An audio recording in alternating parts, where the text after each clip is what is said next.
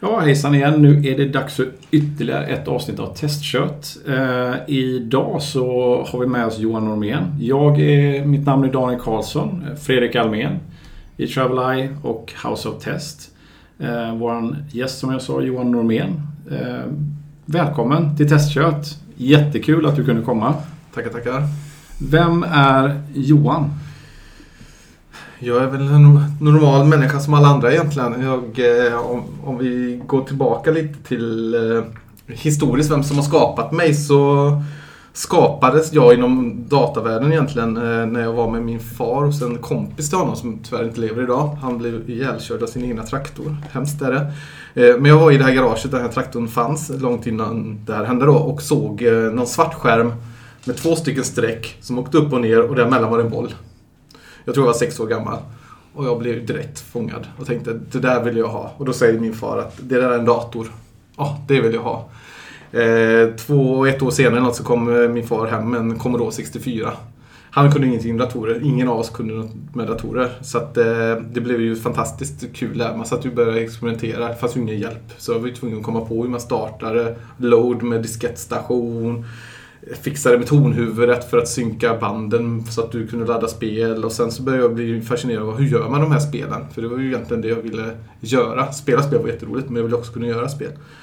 Så jag började experimentera. Eh, som 7-8-åring så man hade inte så bra engelska kunskap då. Detta var ju på tidigt 80-tal. Eh, och, eh, så jag var tvungen att själv labba. Så jag har ju bara experimenterat mig vidare. Tack vare Commodore-världen så kom jag ju i kontakt med Amiga.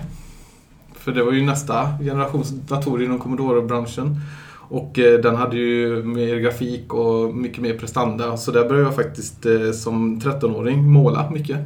Jag, jag ville skapa dataspel. Jag älskade Monkey Island. Jag ville ha sådana spel. Jag ville bygga äventyrsspel. Så började jag designa sådana spel och skapade faktiskt mitt första team som 14-åring med programmerare. Det var min bror, tvillingbror. Så att han fick programmera, jag fick måla och skriva manus. Och sen behövde jag musiker och då drog jag in, eh, drog in en kille som skulle kunna komponera musik till det här. Och så började vi bara, vi, vi, vi, vi kunde ingenting så vi bara, vi experimenterade. Hur gör vi dataspel? Och kom fram till ett demo gjorde vi. Det var ju ganska kul. Sen kom ju gymnasiet och då sprang ju andra, kom ju andra intressen då såklart. Eh, som gjorde att eh, vi, vi splittrade oss så vi kom inte längre än till demos. Men sen har ju data, datorer alltid varit ett intresse därifrån då.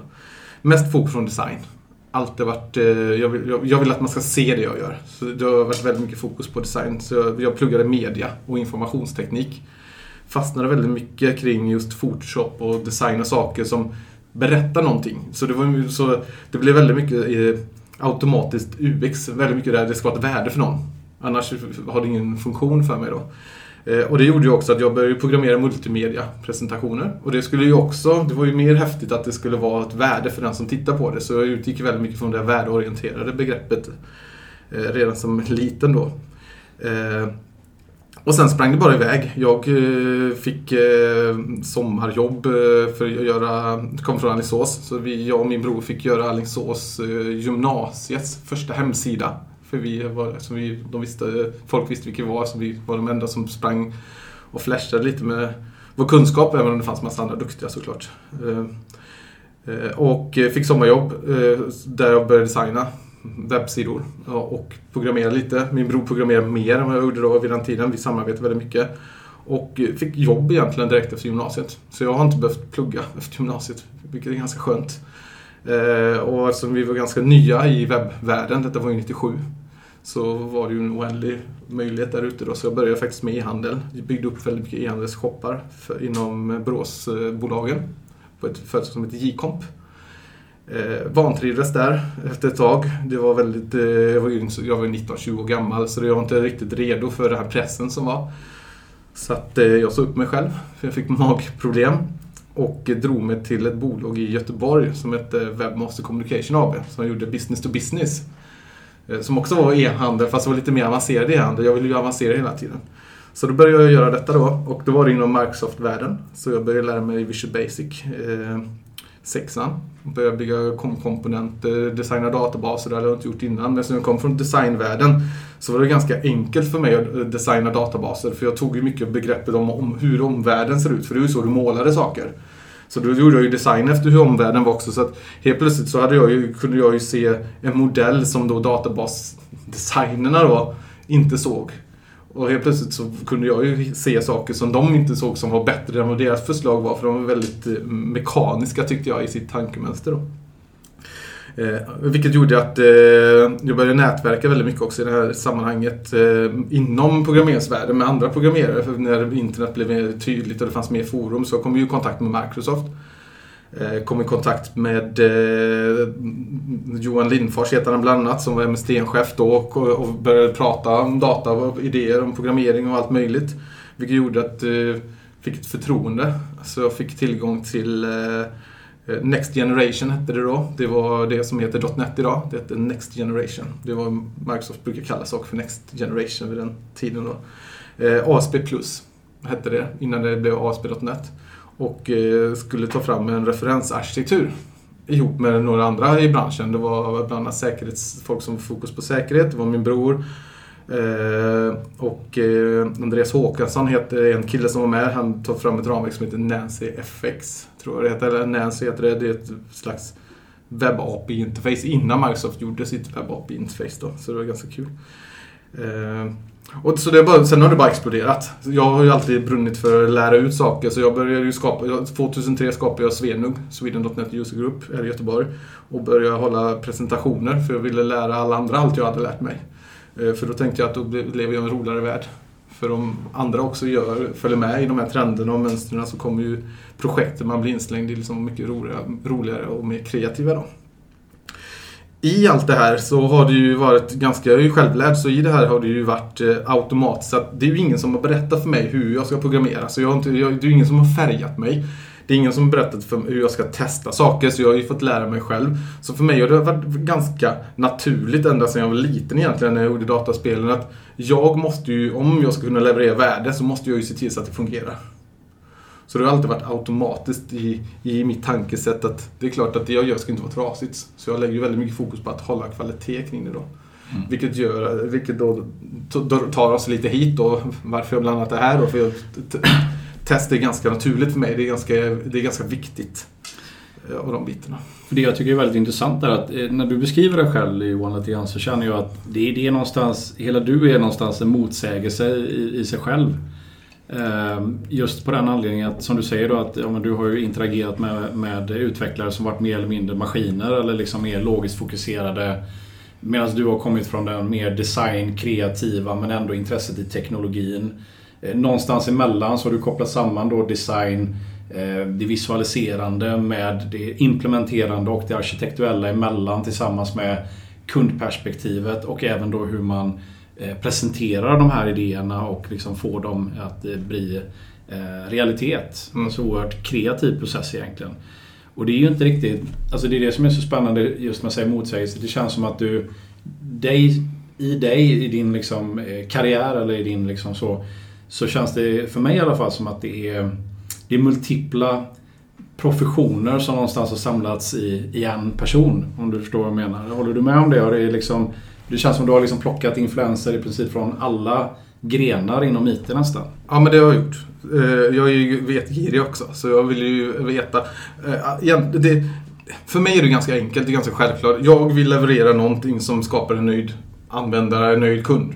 Mm. Mitt mål som utvecklare, som jag ändå varit i grunden, nu jobbar jag mycket mer med agil coaching, continuous delivery pipeline och hur vi får igång agila arbetssätt och utbilda mm. folk. Men det har alltid, alltid varit det att hur skapar jag en nöjd kund? Det är mitt mål. I, och då automatiskt kommer jag ju till det vi pratar väldigt mycket om idag. Och det här tänkte jag ju redan som liksom, när jag satt där och målade dataspel som liksom 8-9-åring att eh, jag måste, någon måste ju tycka om det jag gör. Det måste finnas ett värde i det. Så allting har varit värdeorienterat. I med då att jag har, eftersom jag tänkt, kommer från designhållet så blir det naturligt att arkitektur är ju design. Mm. Så det är, ju, det är logiskt för mig att skapa en bra arkitektur av att skapa ett värde och då måste ju arkitekturen vara föränderlig, den måste vara enkel att ändra på. Det betyder att för att kunna skapa det värdet så behöver jag ju förstå vad kan göra det. Då kommer ju designmönster in. Det kommer olika arkitekturer in. Jag börjar nätverka med andra folk och prata med dem om mina idéer och tankar. Allting har ju bara varit bilder, för design är ju bild i huvudet då. Mm. Databasmodellering var ju design. Eh, skriva objektorienterad design är ju design. Eh, Sen kom ju dom, eh, Domain Driven Design på två- 2003. Blue Bible som det heter, Erik Evans bok. Eh, Design. Mm. Eh, Designpette. Alltså all, ja, så kom ju test, Kent Beck med sin eh, 2005 där med sin eh, testdriven utveckling eller testdriven design som det också Mm. hette då. Så att, och eftersom jag kommer från designhållet så har det ju varit väldigt logiskt för mig att allting är ju en design. K, resten är bara syntax. Mm. Det är en hammare och spik liksom. Ja, men precis. Men samtidigt har du ju det här logiska approachen, liksom problemfokuset. Men du ser även liksom, alltså vad lösningen är, vad problemet är. Du ser process och metodik mittemellan. Du har designspecifika, des- designtänket genom hela kedjan. Men samtidigt så har du det här kreativa. Jag vet ju att du, du målar ju dina egna presentationer och har det här, vad man ska säga, eh, visuella känslan för hur man liksom presenterar saker och ting. Men är det liksom av alla de här förgreningarna som någonstans kopplas ihop som en helhet, är det alltid kunden, liksom det är värdet, vad det än är, som är det, liksom det som är centrala eh, drivkraften? Ja. Eller man kunna säga det så? Det, det, ja, det är så. Det, För du är med på vad jag menar med motsägelse just att om man nu tittar på den här eh, vad ska man säga, nidbilden av en utvecklare så är ju inte en kreatör som, som liksom visualiserar presentationsmaterial till exempel. Eller, men det känns ju som att du är där men du är även på det här problemlösa sidan också. Och även håller ihop det mittemellan så att jag, jag tror det kommer väldigt mycket, eftersom jag började så tidigt så jag kom, eftersom jag, när du byggde saker för, för när du byggde webb så var det, det var webbdesign mm. HTML-formulär och det var något litet JavaScript så du kunde inte göra så mycket. Och sen så följde jag ju med i vågen. Det blir ju bara, man avancerade mer, man gick ju ner på djupet. Sen kom ju helt plötsligt bakomliggande system. Det kom ju databaser. Så, så lite har ju varit också att jag har haft ganska tur att jag startade min karriär i en eh, era där allting kom.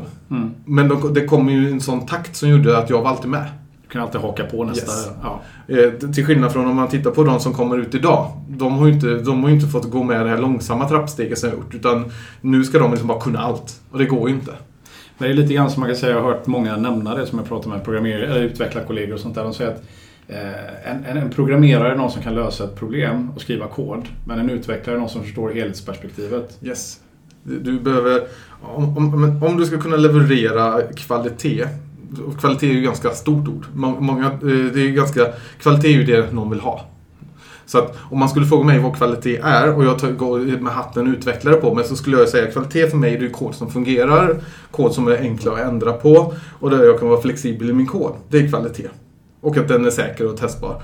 Eh, frågar jag en kund så är kvalitet att det de upplever, det är att det inte blir fel. Att de, fort, att de kan arbeta med systemet, att det liksom eh, blir effektivt för dem. Eh, Kvalitet från en kundperspektiv kan även vara att det ska gå snabbt att göra någonting. För- det är ju kvalitet för dem, för då har de mer tid över att tjäna pengar på något annat.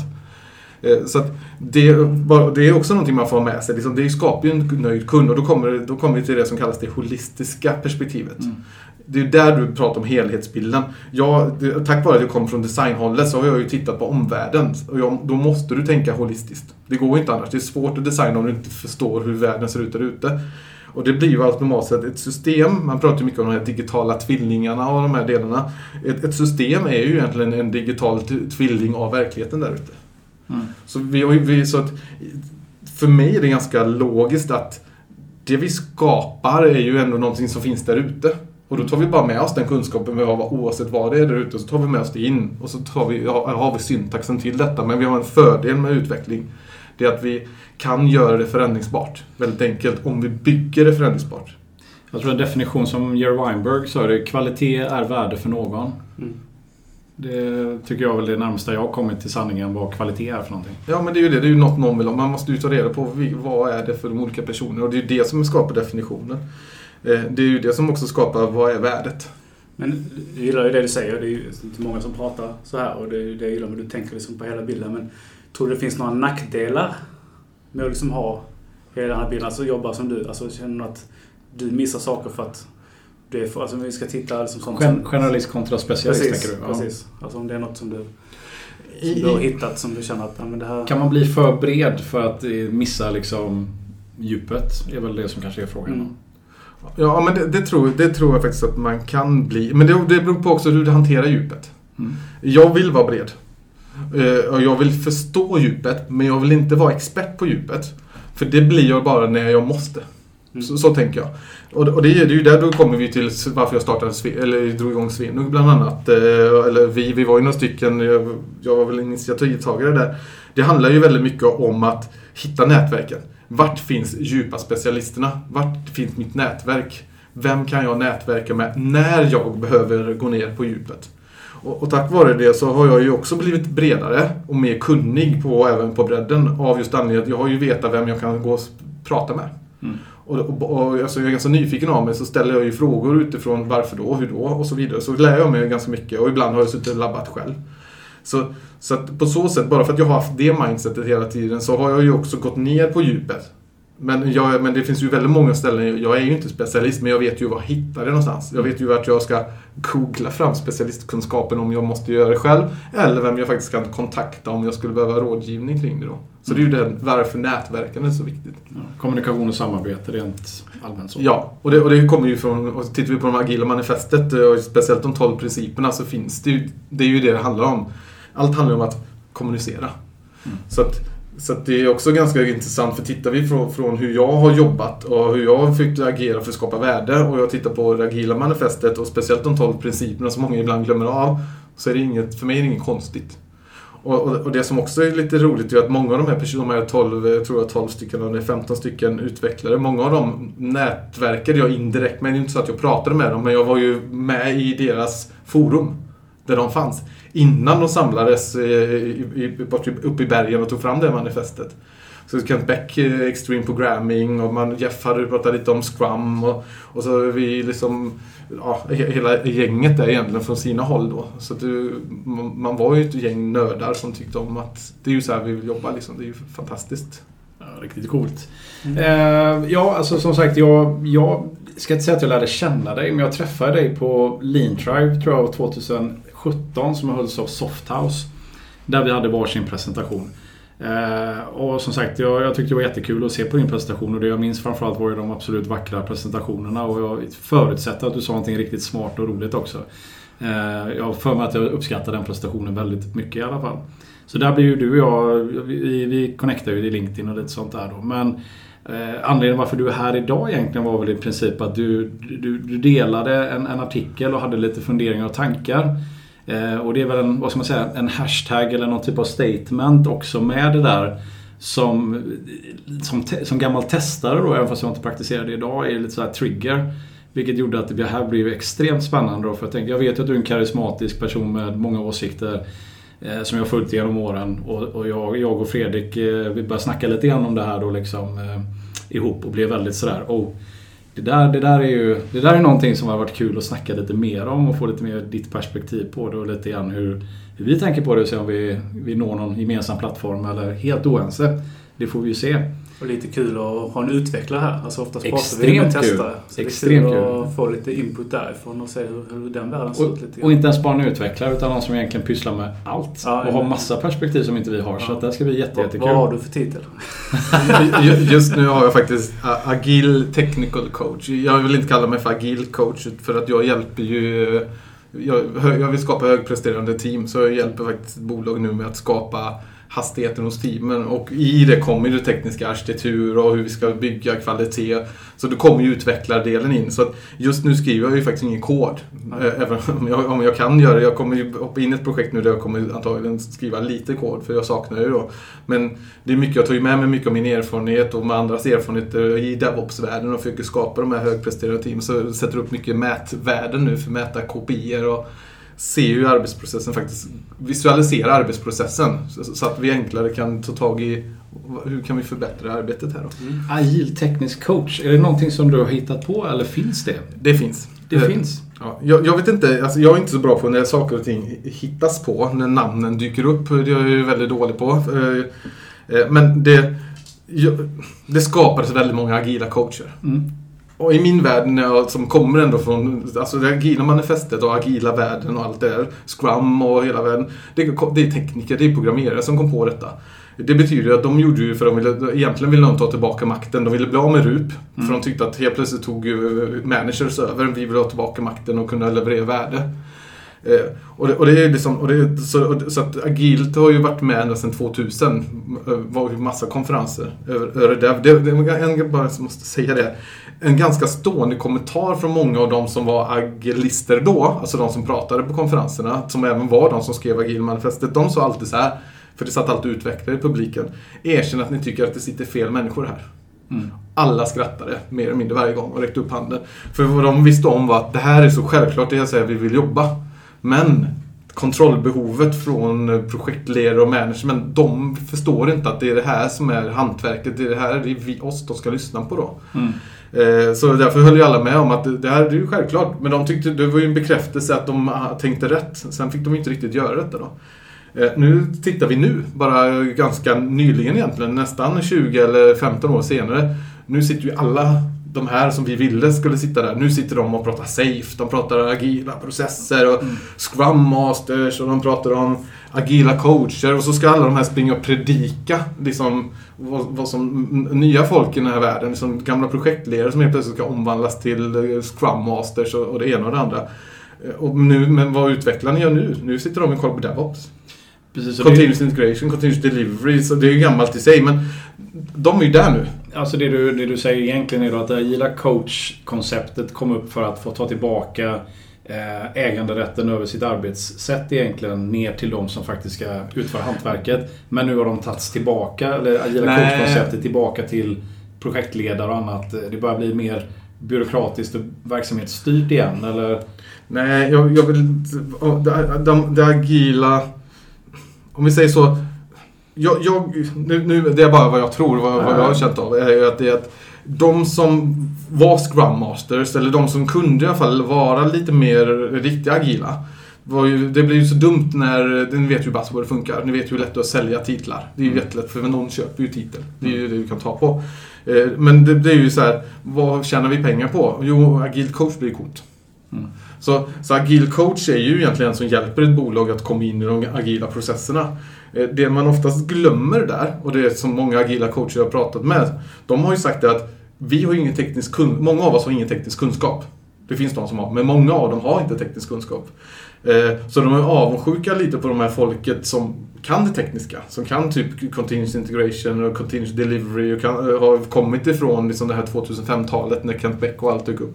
Och saknar den här kompetensen för de börjar ju inse att men det är ju, det är ju koden som ska vara agil. Det är systemet som ska vara agil. Teamet ska vara högpresterande. Teamet måste leverera värde. Hur, det är ju den kedjan, det är där problemet är. Det är inte, problemet är ju inte hur, hur bra du skriver kravspesar eller hur bra du liksom gör det jobbet. Utan det är ju den tekniska plattformen. Och då många och de som anser sig själva att förstå det agila manifestet, det tekniska då, då börjar de titulera sig som Agile Technical Coach. Av den benämningen att de tycker att det är ju det det handlar om. Det är ju det, det är ju de, då fokuserar man på de 12 principerna. Istället för att man fokuserar på de fyra principerna, eller om det är fem som är innan manifestet då. Eh, och det är ganska intressant för jag var på, jag blev inbjuden på Agil, Öre, eh, nej, Agil Örebro. Heter de? Eh, och jag kom ju, alla som var, de flesta som var där pratade ju om, de var ju från agila coachvärlden, så de pratade ju om det här värdet, nöjd kundperspektivet. Eh, alltså det var väldigt mycket fokus på kund och projekthantering och sådana här saker, men det var väldigt lite fokus på utvecklarna och hur de skulle utveckla. Och jag var den enda som kom från ett utvecklarperspektiv, så jag, min presentation gick ut på att jag visade de här 12 principerna, gick igenom dem. Eh, och så i presentationen hade jag ju satt så här taggar, så här, test eller DevOps och sånt, bara för att visa vart, vad är det som ligger bakom de här värdeorden då. DevOps stod ju på nästan varenda en. Eh, och sen så frågade jag då, det satt 75 personer i publiken, så frågade jag dem, hur många av er har sett de här principerna innan? Och alla som satt där och kallade sig själva för agila coacher, det var en person som räckte upp handen. Ganska skrämmande, för då tänkte jag, men varför sitter ni här då? Om ni inte ens vet vad, varför det här agila finns inom utveckling, och, och då, då, kanske, då kanske man bara har tagit en titel bara för att ha någon anledning att existera egentligen. Gamla projektledare som tar en ny titel för att vara mer säljbara. Ja, ja men lite så. Eh, sen är det fascinerande att de vill gå den resan, så man ska ju inte klandra dem för det. De ju inte, men det finns så mycket mer och det är som, det, är ju det här med kunskap. Hur vet ger du det? Hur mycket du vill ha? Den, men den person som räckte upp handen, det var en gammal eh, utvecklare. Så, och, och, och, så att det, det var ju lite kul att se detta då. Och, och nu, nu börjar man ju inse det här. Det är ju det som också är lite roligt för nu börjar ju de som de som börjar med de agila eh, delarna, agil testning, ja men du vet all den agila kom framför allting eh, för 5-10 år sedan. De börjar ju inse det här nu. Så nu börjar ju de komma närmare tekniken och de börjar ju förstå lite mer att nu måste vi ju, det är ju tekniken det ligger mycket Det är continuous integration, det är DevOps, vi måste få in den kulturen då.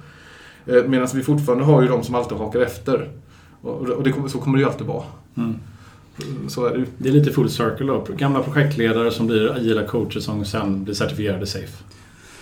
Det, det, ja. det, det, där, det där är två timmars diskussion bara det. Ja, jag känner också det. Eh, om, om, vi hoppar över lite till själva no-testing där igen. Ja, precis. Dag, dagens agenda no-test. Jag tror säkerligen att vi kommer ha lite stickspår här nu mm. för att eh, Johan är en väldigt intressant person och har, som vi nu fick i introduktionen, eh, vi delgav så att det, det finns, du har många strängar på din lyra.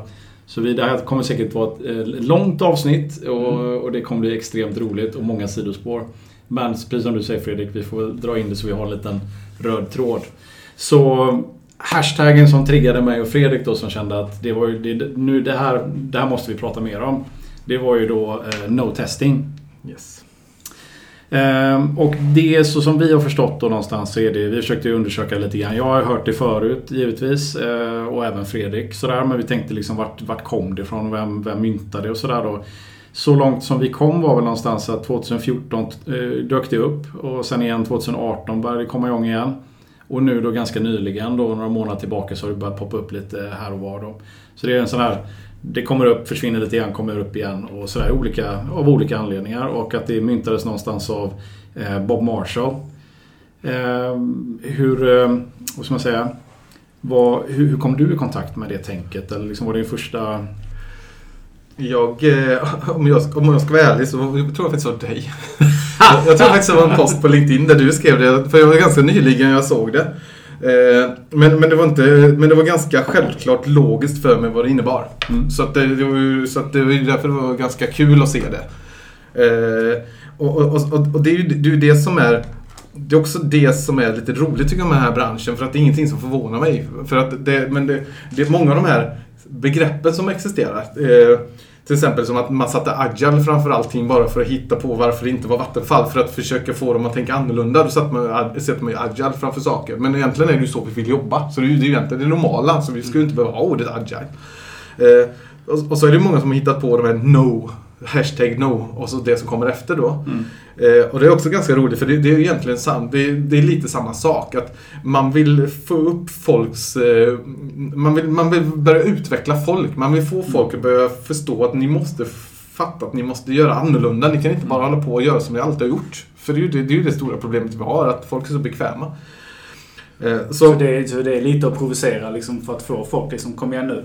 Ja, ja, ja, väldigt många av de här Nowhere handlar, handlar in, indirekt mycket av det. Ja. Mm. Eh, precis som det... För vi, har ju, vi, har ju, vi använder ju själv hashtag WakeUpTesters. Vi tycker att eh, testbranschen i allmänhet kring ja, testkvalitet och allt sånt är jävligt sömnigt nu för tiden. Mm. Um, och även då som du sa, det, No Testing har ju varit uppe ett tag. Vi har ju No Estimation och No Documentation också.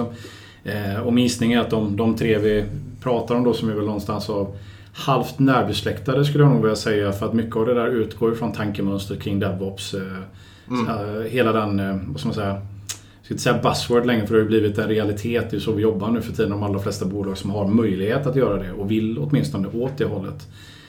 Så det är väl i den eran av DevOps de här no, någonting, någonting har börjat komma fram. Och jag tror att det är mycket för att väcka tankarna hur man kan göra saker annorlunda, mer effektivt och bättre. Ja, men ja, det är ju delvis så. Det är ju lika om vi, om vi, om vi bara för att lite historiskt, det är ett beteende som har funnits där hela tiden. Det var när jag startade Svenug bland annat så ville jag ju visa alla andra att det fanns annat än Microsoft saker. Så jag pratade ju mycket om OR-mappers redan 2005 och det, Microsoft var ju anti OR-mappers. Eh, vi pratade ju om eh, Spring.net. Vi pratade, vi pratade ju om allt möjligt liksom som fanns där ute som inte bara var Microsoft. Så egentligen, så hade, hade Svenung haft en titel idag, vad vi gjorde då, så hade det ju varit No Microsoft om man ska gå efter No-delen. Eh, det låter ju lite roligt då. Men det var ju egentligen vad det handlade om. Och sen så kom ju en annan community som heter Alt.net. Det var ju lite mer ödmjukt namn än No Microsoft. Men vad de menade var ju att de, det finns alternativ till .net. Och deras filosofi, det var också det här wake up call. Mm. Förstå att det finns annat. Och, och de gick ut på att när vi kommer inte finnas när vi har nått ut med vårt bu- budskap att det finns alternativa saker du kan göra. .NET. Det finns andra open source-bibliotek än vad Microsoft grejer. Nu finns inte de längre, för de, de lyckades ju med det här nå ut liksom. Så nu är ju open source-världen och Microsoft vänder ju skeppet och allting då. Eh, och det är ju samma sak med med de här no-grejerna. Till exempel det finns no estimate, no PSD, alltså Photoshop-filer, eh, no testing, ja, det finns no SQL. Det finns så mycket no, no, no som helst då. Och egentligen så är det ju så att no betyder ju, det är ju inte att du inte skall. Utan det betyder ju mer att gör inte som du gör idag med det som står efter no. För det finns andra sätt att göra det på istället som är bättre. Det är ju egentligen den korta beskrivningen av det. Så tittar vi på NoSQL så betyder inte det att du ska inte använda SQL. Det betyder bara att det finns andra alternativ än att du bara bygger SQL-databaser hela tiden. Det finns ju dokumentdatabaser, det finns grafdatabaser. Du kan fortfarande spara i YAML-fil eller vad du nu vill ha. Du kan använda SQL-server om du vill ha, men det är inte det enda alternativet. Eh, tittar vi på NoPSD så handlar det mer om att sluta tro att alltid Photoshop är det verktyg du måste ha i för att du ska designa en eh, webbsida eller någonting. Utan du kan lika gärna, om du är kreativ, kan du lika gärna göra det lika fort i HTML. Och det går ju snabbare att flytta en knapp två pixlar i HTML än att du ska gå tillbaka till Photoshop och flytta och spara om och sen skicka en fil.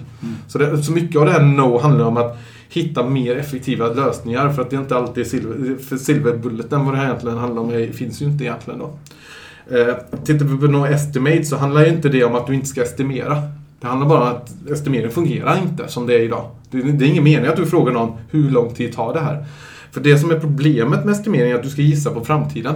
Och den, vem har lyckats göra det? Den som lyckas gissa rätt på framtiden, den, ju, den skulle ju vinna alla priser i hela världen. För det är ingen som klarar av det. Eh, och det, estimering står ju egentligen också för att gissning. Det är ju vad det betyder. Men vi är ju så konstigt programmerade så att när vi säger en siffra, säger jag 10 timmar till dig. För att, men det kan ju ta 50, men jag säger 10 till dig. Då tror ju du automatiskt att jag, vi har ett kontrakt mellan varandra. Om 10 timmar får du det här. Men det är ju inte det jag säger. Jag, jag säger bara jag tror det kan ta 10 timmar, men det kan ju lika gärna ta 50. Men skulle jag säga 5, 10 eller 50 timmar, vad skulle du köpa av mig? Du köper ju inte 50 om du kan få det för 10. Så man förstår, det är ju det som är ett stort problem med estimering och att det alltid är 75% är fel. Mm. Eh, antingen så, så 75% av alla estimeringar blir fel, och oftast åt fel håll. Och det är ungefär lika mycket procent man går över tid av den estimeringen. Det har man ju sett när man har mätt på det. Sen kan det ju ibland gå snabbare, men det är ju mer undantag då. Eh, så om vi tittar då på eh, andra alternativ för att estimera så handlar det mer om att om, om vi tar en user story. Om du kan uppskatta, dela upp user stories till att de är ungefär en daga stora, varje user story. Så har du automatisk estimering. Eller hur? Mm. De är en dag. Har du tre stycken, tre dagar. Men, men då sätter man en range på dem också, så det kan vara så här en till tre dagar. Och det- det är, det är mycket lättare att ta. Mm. Av någon anledning så är det lättare, för det är mindre delar och du kan välja vilket du vill ha, vilket som skapar din produkt och vilket gör att invest i just story-sammanhang eh, fungerar väldigt bra. Eh, du får ju också in det här att det blir små paket så du kan ju lättare liksom få MVP och MVF, Most Viable Feature och, och så vidare. Då. Eh, Och då går vi tillbaka till no testing så är det, också, det är exakt samma princip där. Det handlar ju inte om att du inte ska testa. Det handlar om att sluta göra som du gör idag. Det finns nya, smartare, bättre sätt. Eh, Och jag vet ju att ni som sitter där som jobbar mycket med test, jag vet att mm, ni har det här mindsetet no testing i, i, eh, automatiskt i er för att det, det är samma som ag- agile testing. Eh, vad det handlar om är ju egentligen att testning händer ju i hela processen. Du testar ju, test ska ju inte komma sist. Det är ju det man är lite trött på också, att det alltid ska vara så att traditionellt testare kommer i slutet. Eh, det man också är trött på är att testarna ska alltid testa att de andra innan har gjort rätt. Så att egentligen är det ju, egentligen skäller man ju indirekt på utvecklarna. att Ni, ni är lite slarviga här, ni borde tänka till mer när ni bygger era system. Eh, och, och då kommer vi lite till det här mindsetet som man har försökt hitta. Att utvecklare har ju en tendens att vilja lösa ett problem. Och när de tycker att de har löst problemet så är de klara. Testares eh, mindset är lite mer hitta, kan vi förstöra det här eller kan, vi, kan det gå sönder? Kan vi hitta eh, fel här? Går det att breaka det här? Alltså man har ju mer det här eh, i, i, i, kan jag, ja men paja det helt enkelt, mer eller mindre eh, indirekt då. Eh, och, eh, Och, och, då är det ju så, tittar man, och det, och det, och det, det här har jag ju sett överallt. Eh, Det, det är så enkelt att säga att man är klar som utvecklare. Och så kommer testare och så kommer det värsta listan tillbaka på problem. Eh, Och det man också har sett är ju att, att utvecklarna istället för att de tar det som konstruktiv kritik, för det är ju egentligen, det betyder bara jävlar vad slarviga ni är. Ni, må- får man svära i, i podden? Ja, det är fullt, fullt ös. Ja, Okej, jag får sätta pip. Nej, men det är ju så här, jag har ju varit i situationer där man, man ser testaren som en fiende. Det är ju helt korkat. Testaren, ni, I det läget är ju testaren ens bästa vän. Den hittar ju saker som du kan ta lärdom av för att bli bättre att eh, leverera kvalitet. Men så funkar oftast inte mindset. Utan då, eh, inte på, nu har det börjat bli bättre då. Men det, det har tagit ett tag innan man har kommit dit. Utan då har man ju blamat testaren. Och då har man slutat vilja ge testaren saker. För man vill ju bli man vill ju bara göra features mer eller mindre. Eh, och tittar vi då på också vad Kent Beck tog fram, han, kunde- han, med testdriven utveckling, så var det ju test first. Och det handlar ju också egentligen om lite det här no testing sammanhanget. Om du kan skriva ett test före du skrivit din kod, då får du ju också automatiskt ett testbart system. Och det är svårare att göra ett komplext system för testet, ett test, du, vill inte göra ett komplext test. Det blir ju jättekonstigt. Det är jättesvårt då. Utan du gör ju enkla test och du gör enkla lösningar.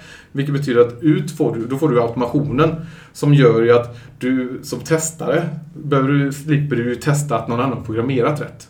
Du kan ju fokusera mer på att testa acceptans, att testa att det, som det verkligen fungerar, bara som en sista kvalitetsgate egentligen. Ehm, men samtidigt så är det också, missar man vissa delar, TDD har ju inte, det handlar inte bara om att göra liksom att testarna ska liksom kanske ha mindre att göra, utan TDD handlar ju också om att när du gör förändringar så kan du förlita dig på om du förstör det du gör genom att testet hjälper dig hela tiden med feedbackloopen. Mm. Vänta nu, din ändring nu orsakar att ett test här inte fungerade. Varför fungerar inte det här? Oj, nu skapar jag en bugg här. För jag, jag la ju till en liten extra kodrad här. Den hade ju jag ju troligtvis inte hittat om inte testare hade sagt det. Mm. Och det hade inte säkert att det hade, en testare hade hittat det heller. För det hade man kanske märkt i, i produktion när ett visst scenario uppstår. Då. Men, men hur skulle du se med just med, med TDD? Jag tycker det är intressant. Jag, jag har hört sådana här siffror att man får automatiskt typ runt 80% code coverage när man jobbar TDD till exempel. Eh, Jag känner också väldigt få utvecklare som har eh, applicerat TDD fullt ut på någon organisation eller ens några utvecklare. Jag har några stycken som jag vet har provat det under ett par månader. Och feedbacken har varit att det är oerhört svårt och det är extremt svårt att veta vilka tester man ska skriva innan man börjar skriva koden. För det är när man har lösningen på plats man vet vad som är rimligt att testa eller inte. Är det, är det bara oförstående, eller oförstånd i det konceptuella eller att man inte är tillräckligt tränad i det? Eller är det en otroligt hög tröskel att ta sig över för att förstå hur man vänder på hela logiken om du är med på vad jag menar? Jag- tror att det är en kombination där. För att det vi var lite inne på innan när jag sa att allting är design. Mm. TDD, testdriven utveckling, testdriven design. Du driver ju fram designen av testerna. Det är ju det som är själva idén. Och det, det kräver ju att du har lite så här design-feeling, lite holistiska delen. Att det, det är inte bara syntaxen, utan du, du, och du, du ska ta fram arkitekturen. Och det kan vara svårt och det gör ju att det, därför tror, tror jag många tycker att det är svårt med, med att skriva testet först. För de vill gärna labba sig fram till sitt resultat. De vill skriva, alltså de vill programmera, trial and error mer eller mindre tills de hittar något som fungerar. Har jag sett det väldigt vanligt. Eh, men det är också det att det är också en kunskapsbrist tror jag. För man tänker inte så mycket på att det du testar är ett kontrakt. Du testar ju på att det du gör, ska göra ska fungera. Och utgår du då från ett användarfall. Det, nu kommer vi till varför jag alltid förespråkar utifrån in-approachen istället för att bygga databas först. Eh, om du vet liksom, om du känner av värdeströmmen, hela kedjan, eh, vad det är du ska göra, så är det inte så svårt att skriva testerna. För du skriver ju tester utifrån vad är det jag ska leverera. Eh, men ibland är ju inte kravspecen så tydlig. Ibland vet du inte ens varför du gör det du ska. Du kanske får ett skallkrav. Jag skall och så bygga det då. Eh, så, så det, det är en kombination där av både okunskap, att du kanske inte riktigt eh, får- in den här design-feelingen som du behöver ha. Att, att, och det här kontrollbehovet som ibland kan finnas, att du måste våga släppa koden. Våga släppa din syntax liksom och tänka till lite innan. Eh, det som också har hänt, tror jag, är att när man pratar mycket om RUP förr i tiden, som Vattenfallsprocessen där, så var det ju väldigt... Det agila har skapat den här idén om att du ska inte dokumentera, eh, du ska inte göra upfront-arbete. Det har gjort att man har släppt eh, väldigt mycket av att vissa saker som du faktiskt ändå måste göra. Eh, det agila säger ju inte att du inte ska upfront. Det säger bara att du inte ska ha ett stort upfront. Om du, om du ska ändå göra liksom en, en, om du har en user story och du ändå ska göra den. Visst, självklart får du ju designa upp den user storyn. Det, det finns ingenting som säger att du inte får göra det. Men ändå så lever man lite i den här världen att man börjar programmera med en gång. Istället för att se på just användarperspektivet då. Och det, då blir ju testerna svåra att skriva. Mm. För, för en utvecklare då. Eh, och det är där vi kommer, om vi går tillbaka och kollar på det här som heter Agile Testers eller Agile Testing. Så handlar det väldigt mycket om att istället för att eh, testa den i slutet så lägger man testaren först. Och ser till så testar den med genom hela pro- produktions, eller hela värdeströmmen om man säger så. Eh, Det är då vi kommer till ATDD. Men eh, kan det det, det var ju när, det fanns ju en annan rörelse för några år sedan. Det finns shift left-rörelsen. Yes. Är det, går det lite hand i hand? Alltså där att man ville flytta allting till vänster, utvecklarna skulle börja med saker tidigare, testarna skulle vara med tidigare. Ja, det är ju det. För att man har ju, man har ju insett det att det som man miss... Det, man har, alltså det, det är ganska logiskt om man tänker så här, men först designar jag, sen utvecklar jag, sen testar jag, sen går det i produktion. Det, I våra hjärnor är ju sådana, det är ju klart. Men, men vad man missar är ju, men vad händer? Man missar ju att loopen när man har testat då. Man, man utgår nästan från att, det in, att det inte finns några problem där. Och, och i, I de bästa världar så hade du kunnat göra design, implementation, test och produktion. Men så, så enkelt är det inte. Eh, för du hittar fel och så ska du gå tillbaka och så blir det krångligt då. Och då har man ju sett att kvaliteten ligger ju egentligen inte i, det är ju inte testaren som gör kvaliteten utan det är ju faktiskt alla som står för kvaliteten. Och då flyttar du ju om du flyttar test innan då kommer du automatiskt till test först. Du kommer ju inte ifrån det. Eh, och, det, och det som jag gillade med ATDD bland annat är ju att du har ju mer fokus på acceptanserna. Mm. Och skriver du då en user story från ett användarfall och där du har eh, även värdet till eh, user storyn och du också har med de förväntade acceptanserna. Då har ju redan testaren som har det här testmindsetet och erfarenhet av vad, vad kan ofta ställa till med problem här ihop med kanske UX och även med utvecklare såklart. Alla behöver vi är ju ju mer kärnor eller mer hjärnor ju bättre är det ju såklart. Så det är inte så att vi ska ha en testare bara som skriver acceptanser. Man gör ju tillsammans. Men det gör ju att det blir enklare också att skriva testerna. För du, du har acceptansen. Det är, ditt, det, är, det, är de kraven du måste uppfylla. Men det är där, där vi, vi diskuterade innan här att eh, vi test, eh, snackar liksom unit-test och sånt. Så vi snackar mycket om att skilja på testing versus checking. Alltså checking är ju inte testning. Och att bara validera något lite lätt är inte heller testning. Alltså, testning är ju så mycket mer Yes. egentligen. Och att bara testa, testa av ett acceptanskrav, det, det krävs inte en testare för liksom. Ehm, så är det så att man liksom missförstår det där med, med, med no testing på något sätt. Kanske borde vara en liksom no checking istället. Alltså kontrollera vad du gör tidigare. Skriv NS-tester var med tidigare i processen. Alltså är det verkligen testning vi pratar här? Jag tror att det, det är väl just det här man Just man separerar saker. Jag tror det är därför det blir så konstigt. Du, du pratar om två olika koncept egentligen tror jag. Och det är, nummer ett är du agil-testare då, liksom, den mer moderna typen av testare. Eh, vi pratar shift left var med i hela processen. Det kommer ju naturligt för mig och Fredrik då att det är shift left, shift right. Beroende på kontext. Vart kan vi skapa värde när? Det kan vara att sätta upp rätt larm utifrån monitoreringshänseende. Vilka typer av triggers på vilken eh, Eh, severity level är lämpliga för oss att skicka ett larm till i Slack till exempel. Det kanske vi kan ge förslag på och även liksom implementera det. Eh, vi kan bygga automation till exempel, end-to-end-flöden för, utifrån kundperspektivet. Men vi kan också då, vilket jag själv ofta gör då, även idag när jag inte praktiserar som testare längre per se, men ändå är med i mina team, är ju att sitta vid en, en eh, kravnedbrytning till exempel, någon typ av epic ner till stories, man börjar prata acceptanskriterier, vad är, vad är det vi ska bygga, varför ska vi bygga det och så vidare. Då att ge den här, ställa de här frågorna, men tänk på detta, hur skulle det där kunna fungera? Och liksom, då är det någonstans mellan krav och designläget där man liksom börjar fundera hur ska vi angripa det här problemet? Hur ska vi lösa det här? Och vad måste vi tänka på? Och fånga upp så mycket som möjligt där. För det, det blir ju inga buggar i slutändan om vi redan utifrån designen gör det rätt. Yes. Så det är ju det som är intressant just när man börjar där, man tar med sig hela vägen. Men du skrev ju en rätt intressant sak, tror du som skrev det där med att om du inte får testa, hur hade du löst det då? Exakt. Det, det, är ju, det är ju en intressant approach. Liksom. Om du inte kan testa i slutet, hur hade du gjort så att det kanske gick att undvika tidigare? Och det är nog en bra övning. Och det som är intressant där, och det är precis det vi pratar om då som blir så svårt när man pratar om de här koncepten, att om du inte får testa, då kommer man till den här frågan, men vad är testning? Mm. Och nu har vi pratat lite shift left, vi pratat lite shift right. Vi är alla medvetna om och tycker samma sak egentligen. Du ska vara med i hela processen. Du ska agera där du genererar värde. Och gärna så tidigt som möjligt för att det är billigast. Men samtidigt kan du hjälpa till att ha relevanta fallskärmar senare om du besitter den kompetensen. Men allt, alla problem och allt vi kan göra för att få en, en så bra lösning från början kostar minst. Men, men om vi säger då, vad är, vad är test, testning för dig? Den andra aspekten, förlåt, den andra aspekten är just det här som du säger traditionella fabrikstänket. Du, du får en, eh, en kravspes och du har dina testfall och så ska du manuellt bara liksom rassla igenom dem sen i någon typ av tre månadscykel eh, som Volvo för tio år sedan. Vissa ställen på Volvo fortfarande likadant. Ehm, men vad, vad, är liksom testning för dig per se? Liksom? Vad, vad, hur ska du definiera testning? Förutom då som du sa innan, givetvis försöka hitta fel och liksom flås eller oönskat beteende. Om vi... Det är en bra fråga. För om vi tittar, lite på det här med no testing och tänker lite, tänker lite på det du sa där. Liksom vad ska du göra om du inte får testa? Så, handlar, handlar det ju lite om att om vi tar bort begreppet test, alltså ordet test överhuvudtaget.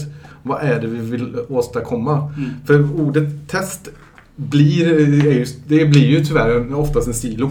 Bara för att det heter test. Mm. Eh, att skriva 3D är testning, absolut. Det är för att skapa en feedback-loop och det är för att ge feedback till utvecklaren att eh, så tidigt som möjligt hitta om, du gör, om det du gör skapar förändringar i det beteende som förväntas då. Så, det, så TDD och testdriven utveckling, det är ju ett, eh, är, egentligen det är ju ett, ditt hantverk som utvecklare att säkerställa att du får snabb feedback-loop att om du är på väg att göra fel eh, eller förstör ett kontrakt.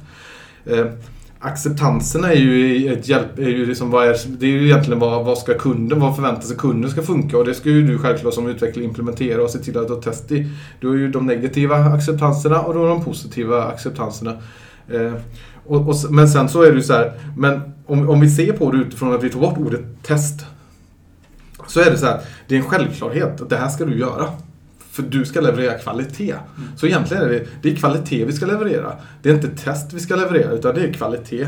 Och det, går vi ännu mer tillbaka så är det ju också det du var inne på det att eh, när jag fick rita upp liksom agile testing och, och testing manifest, jag tycker det är en lite rolig bild bara för att i vissa föreläsningar så jag, har jag visat att Många kan tycka att det är så svårt att förstå det här. Hur kan testning inte vara testning? Eller hur kan det vara en del av alltihopa? Och då visar jag manifestet och så sitter folk och tittar på det.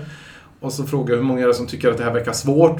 Många räcker upp handen, eh, tyvärr. Och sen visar jag en hel arbetsprocess från eh, idé till user stories. Till, eh, till utvecklare, till kanbantavla exempelvis, till CCD-pipeline och till en glad kund. Och så ritar jag in var varje del i det här eh, eh testmanifestet får plats någonstans. Först är det så här att man ska testa genom hela processen och inte slutet av processen. Vi, vi kan stanna på den för den är ju egentligen det intressantaste då. Och då är det ju så här när det kommer en idé. Om du tittar på den här idén och verifierar den idén om den har ett värde och om den ens är värd att tillverka. Vad gör du då? I, I min värld så tycker jag att du gör ju ett test. Jag testar idén. Ja, du testar ju idén. Sen att det, att det inte är traditionell testning så gör du det automatiskt för du gör ju samma beteende. Du funderar på, har, har vi någon anledning att ha det här till exempel? Eh, Så, så det ska man ju då, då slänger man det i papperskorgen. Då har man ju fått snabbaste feedbackloopen. Den är ju klar. Men tycker man att ja, men vi kanske ska ha den här, men då kommer vi till värdeströmmar, vi kommer till outcome-dialogen eh, då. Och det är där nog testing bland annat blir mer intressant. För fokuserar du på outcome före output så blir det så här, outcomen är ju att kommer vi vinna någonting på att göra det här? Det är ju vad det handlar om. Det ska ju, om vi, gör, vi ska ju inte göra en funktion om den inte gör det enklare för någon som behöver ha funktionen. Vi vill ju korta arbetstiden för eh, managementandet i våra system egentligen. Eh, då vill man ju få fram ett outcome på det. Till exempel om vi gör den här förändringen så tror vi att vi kommer spara fem eh, timmar per vecka på våra tio stycken ekonomer. Vilket betyder att under ett år så har vi sparat otroligt mycket tid där de kan fokusera på ekonomi istället för management i system exempelvis. Det är också ett test. Då behöver du ju testa det här. Ha, kom, funkar den här hypotesen? Fungerar den här outcomen? Kommer vi nå det här resultatet? Hur testar du det? Ja, du kan ju inte lägga det på en testare. Eller hur? Den kan ju inte testa detta. Nu måste vi monitorera. Vi måste ju få ut den här lösningen i, i, i produktion eller någonstans där vi kan se om vi får den här effekten. Vilket gör du, då kommer vi till det du sa om monitorering. Det är också testning. För du monitorerar ju om vi upplever det här, eh, eh, den här outcomen då. Märker vi att vi spar faktiskt tid. Då har vi ju indirekt testat att vi spar tid. Men hur, det finns ju branscher där man inte kan monitorera eller man kan inte testa på kunden och liknande. Hur, hur, hur vet man där? Fast så, så, länge, alltså, så länge du har en användare så kan du faktiskt göra det. Du, du, Sen handlar det bara om att du måste se till så att ditt system är konstruerat på så sätt att du faktiskt kan mäta detta. För, för, för vad du gör är ju, det är ju därför eh, meddelandebaserade meddelandebaserad eller eventdriven arkitektur är så populär just nu. Det är ju lite det att du kan ju se, du kan ju börja monitorera när någon trycker på en knapp. Mm. Och du kan ju monitorera ett helt flöde. Och det, då pratar vi om, nu kommer vi, kom vi in lite på teknik här. Eh, Korrelationsiden exempelvis. Att jag kan ju skapa ett korrelations-id från att trycka på knappen. Även om jag går igenom 17 processer så skickas det här idet med alla 17 processer. Vilket gör att jag kan från Big Data-chanken eller vad jag nu lagrar datat ta upp och se hela värdeströmmen kring vad hände när jag tryckte på knappen. Se alltihopa då. Sen kan jag ju se tidsspannet, så kan jag ju dra ihop den tiden och så kan jag ju få ut en hypotes över hur lång tid tog den här värdeströmmen då. Eh, om jag då kortar av den värdeströmmen för jag tror att jag kan, jag kan automatisera en viss del. Eh, och om jag då automatiserar en viss del så kan jag ju göra samma, eh, koll igen då. Var det kortare värdeström? Exempelvis då. Så, att, så det finns ju massa, men då, då, då måste ju testning, alltså hela det här, hur gör, det här är ju test, det här måste ju in i arkitekturen. Mm. Att kunna monitorera. Eh, och du måste ju också vara kreativ i ditt arbetssätt för du måste ju förstå hur du ska monitorera och det är ju inte lätt. Det är ju jättesvårt att veta att liksom, även om det gav ett snabbt resultat du tryckte på knappen så betyder ju inte det att, du- att du har svaret. Det kan ju vara så att du måste titta på mer faktorer. Du kanske får klocka personen som sitter vid datorn. Du kanske får gå dit med en klocka klick, klick, klick, klick, klick. Nu går du in på Canary Release B, det är ju det, eller AB-test eller vad man, hur man nu vill lösa det då. Och så klickar man på nästa och så ser man ett resultat. Alternativt bara fråga användaren. Hej, hur upplevde du den här nya funktionen? Ja, sjukt bra. Det gick väldigt snabbt. Ja, men då har den ju värde i sig. Så det, så det finns väldigt många sätt att testa en hypotes. Det är därför hypotesdriven utveckling också börjar öka mer. Eh, Tyvärr för långsamt. Eh, men tack vare DevOps och Continuous Integration, Continuous Delivery och eh, monitorering och allt det här som man pratar om nu. Om det finns på plats så är det väldigt lätt att arbeta med hypoteser. Det är ju det eh, LinkedIn gör, Facebook gör det, Spotify gör det, Solander vet jag gör. Alltså, heter det så? Nej, vad heter de? Inte Solando, men inte Solander, det är film. En rolig film när den kom i alla fall. Men det är ju liksom, det är, de är ju bra på det här. Och e-handelsvärlden har- varit ganska bra på AB-testing. Det har ju varit en del av deras del för att då, konverteringen, de, de, det är väldigt mycket fokus på konvertering. Och då har de ju alltid kollat på hur ökar vi konverteringen? Och så har de haft massa hypoteser eller AB-tester hela tiden. Eh, Så de har ju haft med sig det när du byggt e-handelslösningar, vilket är ganska fascinerande. Och det kan du ju ha i vad du än gör. Så att om man tittar då på det här med no testing igen då och tar bort te- eh, ordet test. Vi behöver inte prata test. Vi ska prata om hur får vi bästa outcome? Hur får vi det resultat vi vill ha? Och då se på hur förkortar vi den feedbackloopen? När kan vi som snabbast få resultatet om det har ett värde? Men kan inte det där hetsa folk och slänga ut saker för snabbt? Alltså Eh. om jag tänker, jag, jag har själv en bil vars eh, 15%, det var inte det var nära, 15 10-15% av alla bilar som kom ut fick boxeras. Eh, och då, ja visst, det är ju trevligt för att vi får testa bilen men man vill ju gärna att en bil fungerar. Alltså var, var, var går gränserna liksom? Vad, vad, vad som kan och vilken feedback man kan. Alltså jag menar bromsa på en bil, det måste ju funka. Liksom. Yes. Det är ju sån grej. Var, jag vet att alltså, det finns ju mycket mjukvara där ute som fungerar skit. Alltså riktigt dåligt. Och så slänger de en betastämpel på det. Och så ska man helt plötsligt acceptera att det är skit. Eh, så där har vi ett jobb att göra. Liksom. Det känns som vissa försöker haka på den här trenden och bara liksom... Ja men, nu, ja, men det är så här mjukvara är. Det är babysjukdomar och, och det, så, sånt där irriterar jag mig enormt Det- på. Ja, Eh. det, alltså, jag, jag blir ju faktiskt arg varje gång när någon säger Ja men vadå buggar har vi alltid. Mm. Det är normalt med buggar. Vad, vad, vad säger det när man säger att buggar finns? Jo, det säger ju att det är tillåtet att ha buggar. Vilket betyder att de som inte kan utveckla någonting, de tycker bara att det är självklart att det kommer finnas buggar. Men det är inte självklart. Det finns buggar om du, precis som du säger, buggar finns om du slarvar. Och det nu sa test coverage på 80%. eh, Det man säger är inte att du får en test coverage på 80% utan vad de säger är att du ska försöka få test coverage av din kod som uppfyller 80% av att din kod är, går igenom test coverage per kodrad egentligen. Eh, Däremot är, är det ju så att man har ju sett det att mycket av de här traditionella vad ska man säga, rätt onödiga felen är, minimeras med ungefär mellan 60 och 80 till och med 90 procent av att du gör enhetstester. För tittar du på vad det är du oftast hittar för problem så är det att någon har glömt validera ett inputfält. Det är ju jättevanligt fel.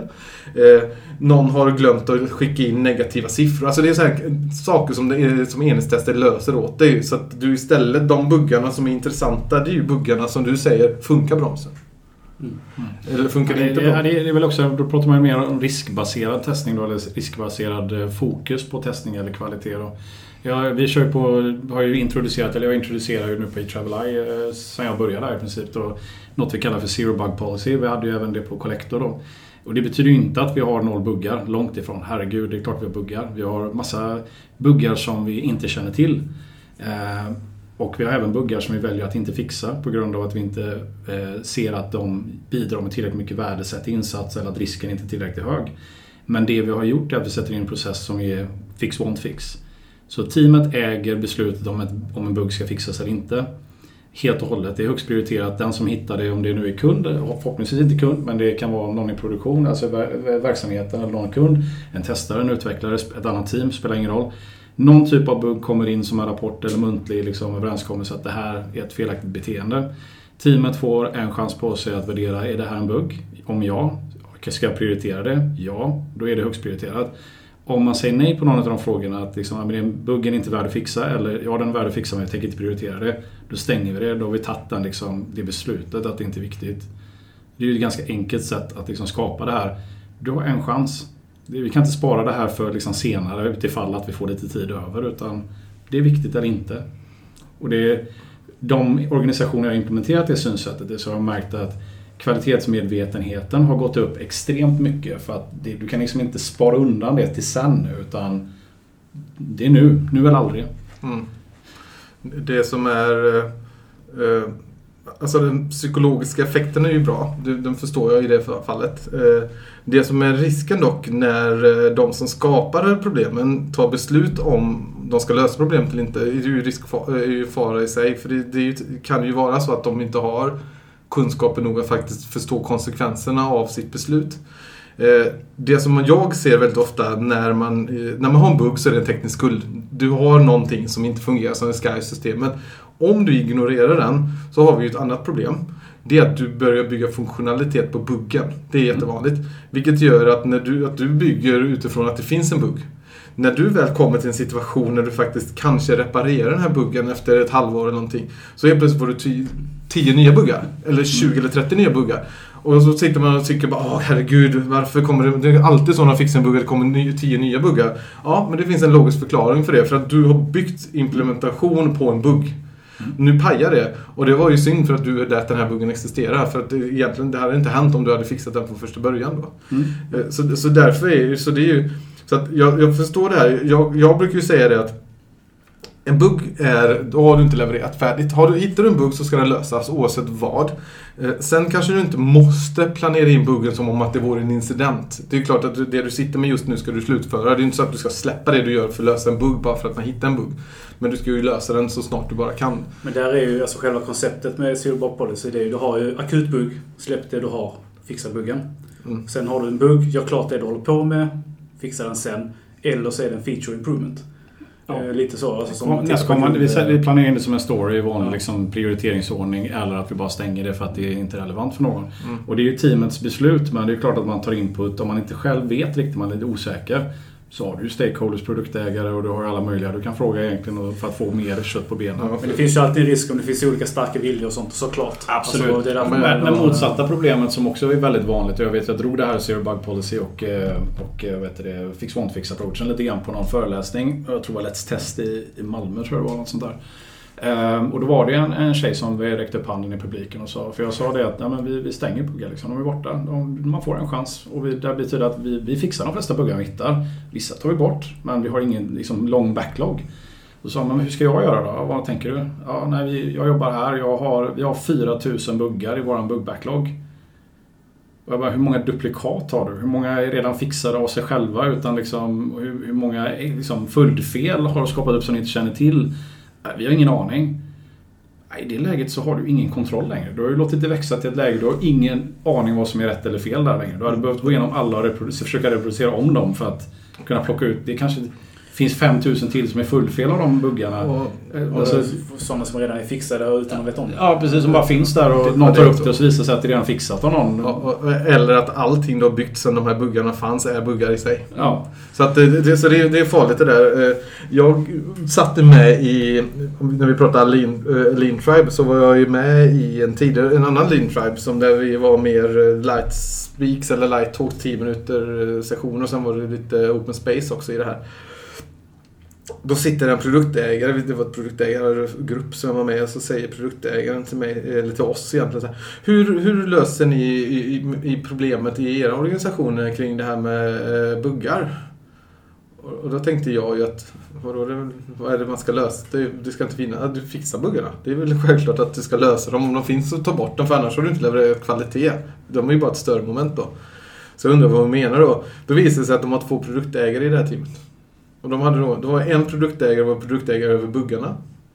Och så var ju den här personen då produktägare över features. Och de, och de vet inte riktigt hur de ska komma överens om prioritera. Så hon ville veta hur, hur andra gjorde för att prioritera in buggarna då med, när de har de här... För henne var det, hon trodde att man hade två produktägare. Alltså för henne var det en verklighet att du har en, en som äger buggarna och en som äger features då. Så vi sa ju till eh, personen att eh, det funkar ju inte så. Aldrig hört. be- nej, det, är jätte, det var jättefascinerande. Det, det är ett, ett stort företag detta också. Bug owner. Ja men det, det var liksom, det var så konstigt var det. Sådär, då är vi tillbaka igen här. En liten hygienpaus. Fyllde på lite vätska och, och sådär. Ehm, ja, nästa grej som jag tänkte kan vara intressant att ta upp eh, med dig då Johan är lite grann just hur, vi, hur du, vad du har för reflektioner kring just eh, shallow testing versus deep testing. Eh, om du är medveten om eller om du känner igen begreppen eller lite sådär. Nu fuskar jag ju lite för jag frågade ju innan vad han Det stod ska, det ska du inte säga. Jo, det får jag, det, det får jag säga. Det är, man måste kunna erkänna när man inte kan allt. Det finns så mycket ord där ute. Men, eh, jo, men det är ju... Om vi säger, det jag förväntar, om vi säger vad jag förväntar mig från en eh, utvecklare. Jag ställer ju ganska höga krav på mig själv så jag tycker ju att det, jag tycker att det gäller alla egentligen. Det är ju att det här ytliga testandet, det är ju någonting jag tycker att det ska ju utvecklaren göra. Det ingår ju i jobbet att om du konstruerar någonting så ska du ju också testa att det som du har gjort fungerar. Men du ska ju också testa vad händer om, om jag skulle göra på ett annat sätt exempelvis då.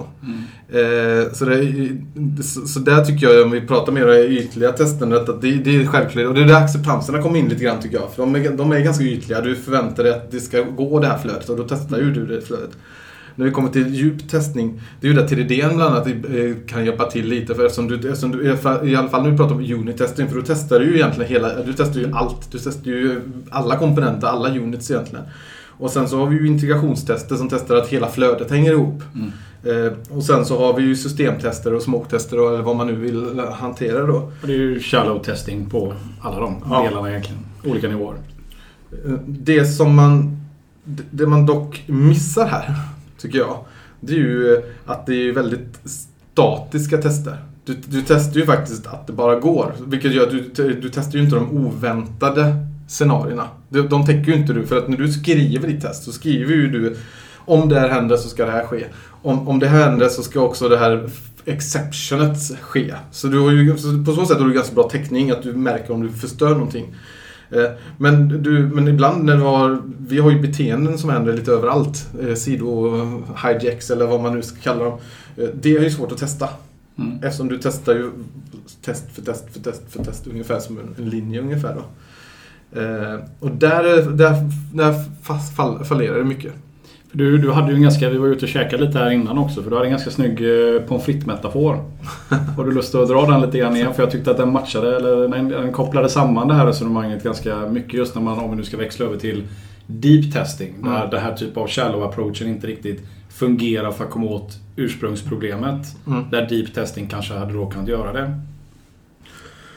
Vi ju förklara att pommes fritterna betyder olika testströmmar. Där jag hade en chilifrukt som var single points of failure.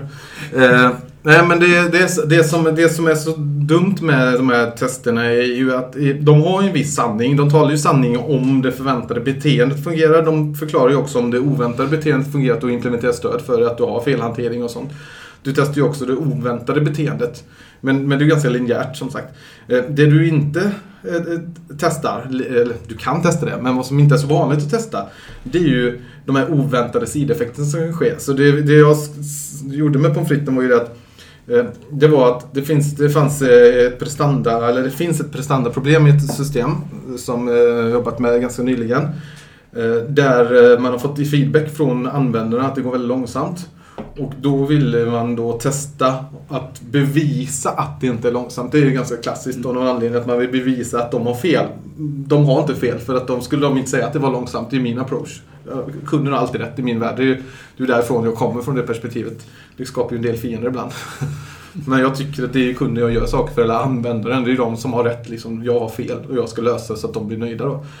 Eh, det som, hände, det som skulle ske då, alltså nu kände jag till lite mer vad som kan vara orsaken kring de här pikarna. För jag har tittat lite i arkitekturen och tittat lite i loggarna. Eh, jag bara, eftersom inte jag ingår i det projektet egentligen, utan bara tittat på det från sidospår. Så tog jag in och berättade det för den här personen som kontaktade mig då. För han ville veta hur, hur jag gör bra prestandatester. Och då sa jag till honom att du kommer inte hitta någonting. För vad du kommer göra när du gör ditt prestandatest är att du kommer testa ditt API, hur lång tid det tar för det API att exekveras. Och när du testar det klockan 14.00 exempelvis så kommer det kanske säga fantastiskt bra. När du testar det 15.00 så kommer det säkert säga fantastiskt bra.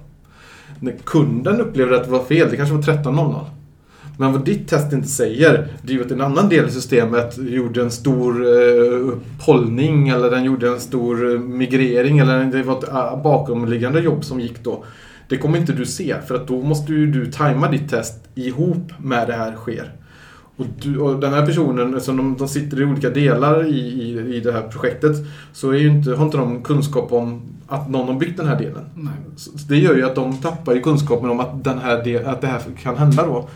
Eh, Och där är det lite tacksamt att när jag kommer utifrån och bara hoppar in och tittar på någonting, att jag tittar på hela he- helheten, det holistiska, då ser jag ju det här. Men, jag, men jag, har inte, jag har inte fastnat i kulturen kring eh, att jag är i mitt team där. Eh, Och där, och där är det då ganska intressant för att det här, det här testet skulle säga, om inte den här personen lyckas köra det här testet exakt när det andra problemet uppstår, det som händer på vägen då, så kommer det test- testet alltid säga att det går jättebra.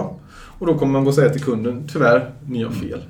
Och det är ju det som det är intressanta med deep test och som man säger kontra shallow test. Det, det som vederbörande då tänkte göra var ju som du säger, de testa liksom en slagning mot ett API någonstans, se vad responstiden blir. Och kanske låta trycka på lite igen och se det, okej nu sitter han och rullar här ett tag liksom och kolla någon typ av mediansvarstid eller något sånt där och så är man nöjd sen efter 10 minuter och så tycker jag att, som du säger, ja, men kunden har gjort något konstigt liksom. Eh, Men deep testing i den men- meningen är ju någonstans så att då behöver du ha det holistiska perspektivet. Se vad försiggår egentligen i, i systemet som helhet.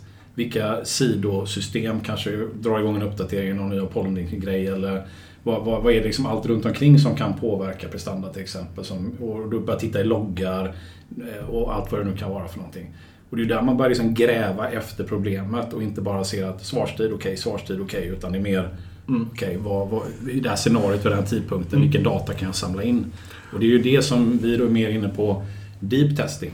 Mm. Vilket då även då kommer leda oss lite vidare till ehm, utforskande testning. Och just vikten av eh, serendipity. Det, är ju en av dina, favorit, dina favoritord Fredrik. Mm, som man knappt kan uttala.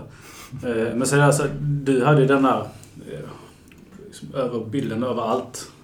Jag menar, det är lite det oftast en testare har också. Och det är det som jag ser lite nackdelen av att en testare ibland är ett team. Att du är en testare och fyra utvecklare. För det är så man har gjort nu. Innan var det testteam och nu är man testar ni. Det är att man skaffar en gruppering där allt handlar om att vi ska leverera. Jag skiter i allt annat. Medan de som är duktiga testare, de tar ett steg tillbaka. Tar ett helhetsperspektiv.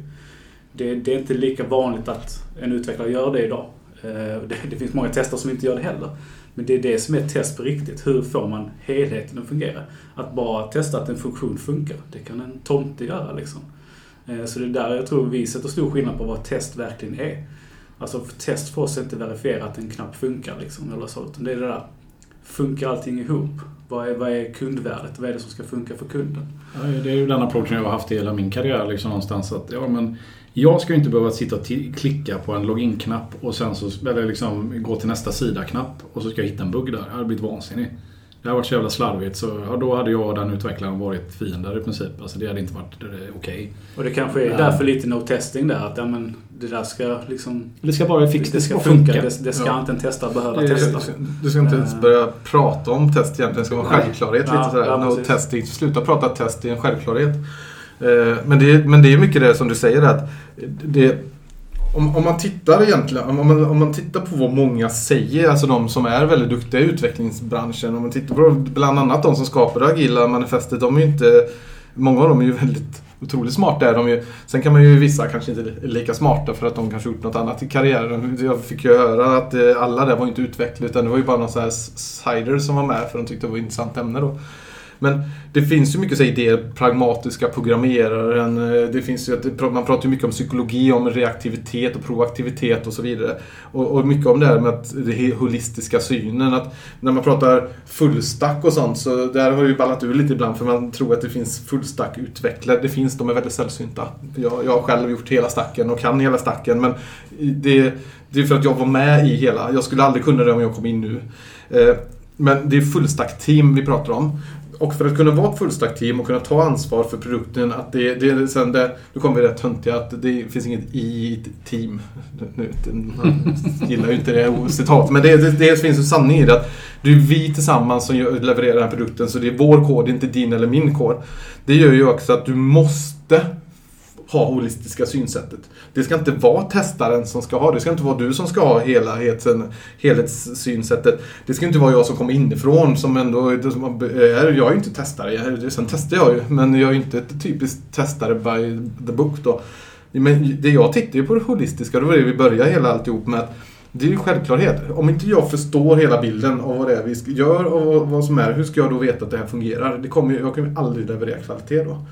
Eh, Och det här är mycket hur man också hur man leder team. Det är därför jag jobbar mycket, mycket med det jag jobbar med nu inom Agile Technical Coach är ju hö, skapa högpresterande team. Mm. Och det handlar väldigt mycket om det här att det är vi tillsammans.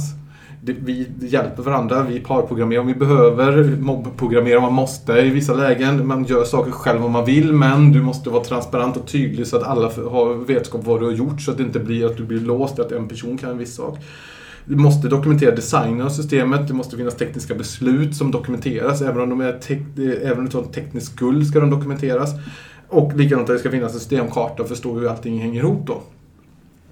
Eh, och har du allt det här, eh, vilket det är ganska enkelt att ha det här. Det är bara att man, man känner att wow, så här. Men det är så, varför man känner att det är så mycket ibland när jag pratar för folk. Det är ju för att de sitter med en stor teknisk grunka som är en stor teknisk skuld redan idag. Ja, då är det jättejobbigt för du har inget dokumenterat. Det blir så mycket att göra. Men om du bygger ett system idag från början och har med dokumentation från början och rätt dokumentation, att du dokumenterar strukturbesluten. Då är, då är det, inte, det är inte mycket jobb alls. Det är otroligt lite jobb för väldigt mycket vinst då. Eh, och, och det är ju det som är, det är det som jag tycker, det är därför jag, jag gillar ju testare av den anledningen att de kommer in precis som när jag kommer från sidan. De vill ju veta vad är, det- vad är det jag, har- vad jag har jag framför mig här nu? Vad är det jag ska kvalitetsgranska här nu? Jag måste ju förstå alltihopa. Och det tycker jag att det ska en utvecklare tänka. Det, det, vi måste förstå, hur ska vi annars funka då? Eh, och det är ju det lite no testing också är. Att om du tar bort test, hur skulle du göra då? Då, då blir det lite så här, ja, men om jag inte får testa allting, om då måste jag ju förstå någonting. Och så måste jag ju hitta något annat sätt att göra det på. Och det är ju bland annat det här att få in det holistiska tankesättet, hitta eh, sätt för att göra, hitta de här problemen istället för att låta någon annan som måste göra dem, alltså få upp den här silon då. Eh, och det är jättesvårt. Eh, och tittar vi då, går vi tillbaka lite nu när allt blir, allt är ju så DevOps. Allt är ju CSC, det, är mikrotjänster, det är det ena och det andra. Eh, eventbaserade lösningar, strömmar och data, IoT-lösningar. Så det är ju en jättevärld nu, en rätt häftig värld tycker jag. Om man förstår vad det, vad det är till för. Det är också någonting som ibland fallerar, att man tycker det är häftigt att ta in ett buzzword. Jag har sett så många mikrotjänsterlösningar där du distribuerar eh, eh monolit. Man, man pratar mellan tjänster och förstår inte att man releasar hela paketet. Det är ju helt fel. Man har inte byggt upp organisationen efter att vara snabbrörlig, vilket mikrotjänster är till för egentligen. Eh, och, eh, och tittar vi då på den här nya sorten, så nu när det händer så mycket, det är så mycket tjänster, det är en, eh, Kubernetes-kluster, det är poddar, det är hälsokontroller, det är monitoreringspunkter, telemetri, det monitor as a service, security as a service, key vault secret. Alltså det finns, det är så mycket egentligen. Då måste du ha helhetssynen. Har du inte den, för den kan vara svår att ha, då måste du i alla fall ha någonting som hjälper dig att förstå om du gör någonting med det här helhetssystemet. Och då kommer vi till någonting som jag har sett väldigt lite av och det är simulerade tester. Det är att när du har, alltså, systemet är ju ett slags eh, organ på något sätt. Det händer ju så mycket i ett system. Eh, det, och vad du vill göra är att för att hitta det som det här prestandaproblemet. Om, om, du kan hitta det prestandaproblemet om du vet när det hände men också om du kan spela tillbaka hela förloppet. Mm. Hur gör jag det då? Jo, om du då bygger ett meddelandebaserat system Mm. så har ju du alla event som har hänt. Du kan då spela tillbaka alla eventen till, till den tidpunkten och se vad hände här. Och eftersom du spelar upp alla eventen så spelar du ju också upp allt som hände. Det betyder ju också det man pratar väldigt mycket om att en testmiljö ska ju vara en kopia av produktionsmiljön. Alltså konstruktionsmässigt, inte produktionsdata i den då. Det, det du pratar om är event-driven architecture i princip då? Eller? Ja, bland annat då. Eh, och inom IoT-världen är det ganska måste att bygga så här. Eh, men du, du har ju de här fördelarna då att har du meddelandeströmmar och bygger det eventdrivet, du får ju så mycket på, i, i köpet. Lite kod och du får mycket funktionalitet. Du får big data. Du får monitoreringen. Du, får, du kan spela upp beteenden. Vilket gör att du kan sitta och bara låta en sidomiljö ligga och simulera sig själv i all evighet. Du behöver bara spela upp föregående dag eller samma dag flera gånger om. Och hela tiden deploya till den miljön också. Och se om jag gör en förändring som pajar det här beteendet som en användare normalt sett gör. Eftersom du har svårt att veta vad användaren gör Mm. i det hela. Då. Eh, och, och det är ju genial, genialiskt. Eh, men det är väldigt ovanligt än. Men det kommer ju öka bergis. Det, det, det tror jag. Eller det måste det göra. Eh, och tittar vi, om vi går ännu mer tillbaka till teknikdelar, om vi kollar på Kubernetes-klustret skapades ju för att man ville göra det enklare att hantera containrar. För att orkestrera, för att, ha åter, att de återhämtar sig själv, att du slapp sitta där själv som utvecklare och starta om poddar och tjänster. Så de byggde upp en hel orkestrering till, kring de här. Eh, Och vad Google också gjorde, som tog fram Kubernetes, de gjorde ju också, tog fram något som heter Istio, som är en service mesh. Som du kan lägga på. Det som är så häftigt med den, det är att när all trafik som du skjuter in i den kan du säga till Istio att du ska göra en shutdown copy av. Så du kan göra så att när någon sitter i, i produktion och arbetar, alltså användare, så kan du också be att exakt samma input som kommer hit går till min sidomiljö. Så det vi egentligen säger är att eh, om fem år, säger vi, tio år, eh, när lösningarna är någon, någon typ av eventdriven arkitektur i grunden och gör den här typen av simuleringshantering då att man kan det, det vi säger då i princip att vi skulle kunna spela in användarbeteende utifrån x antal användare då, så att vi låter det ligga och köra liksom i två, tre dagar. Vi har eh, 50 000 användare som är inne på sajten och gör olika saker.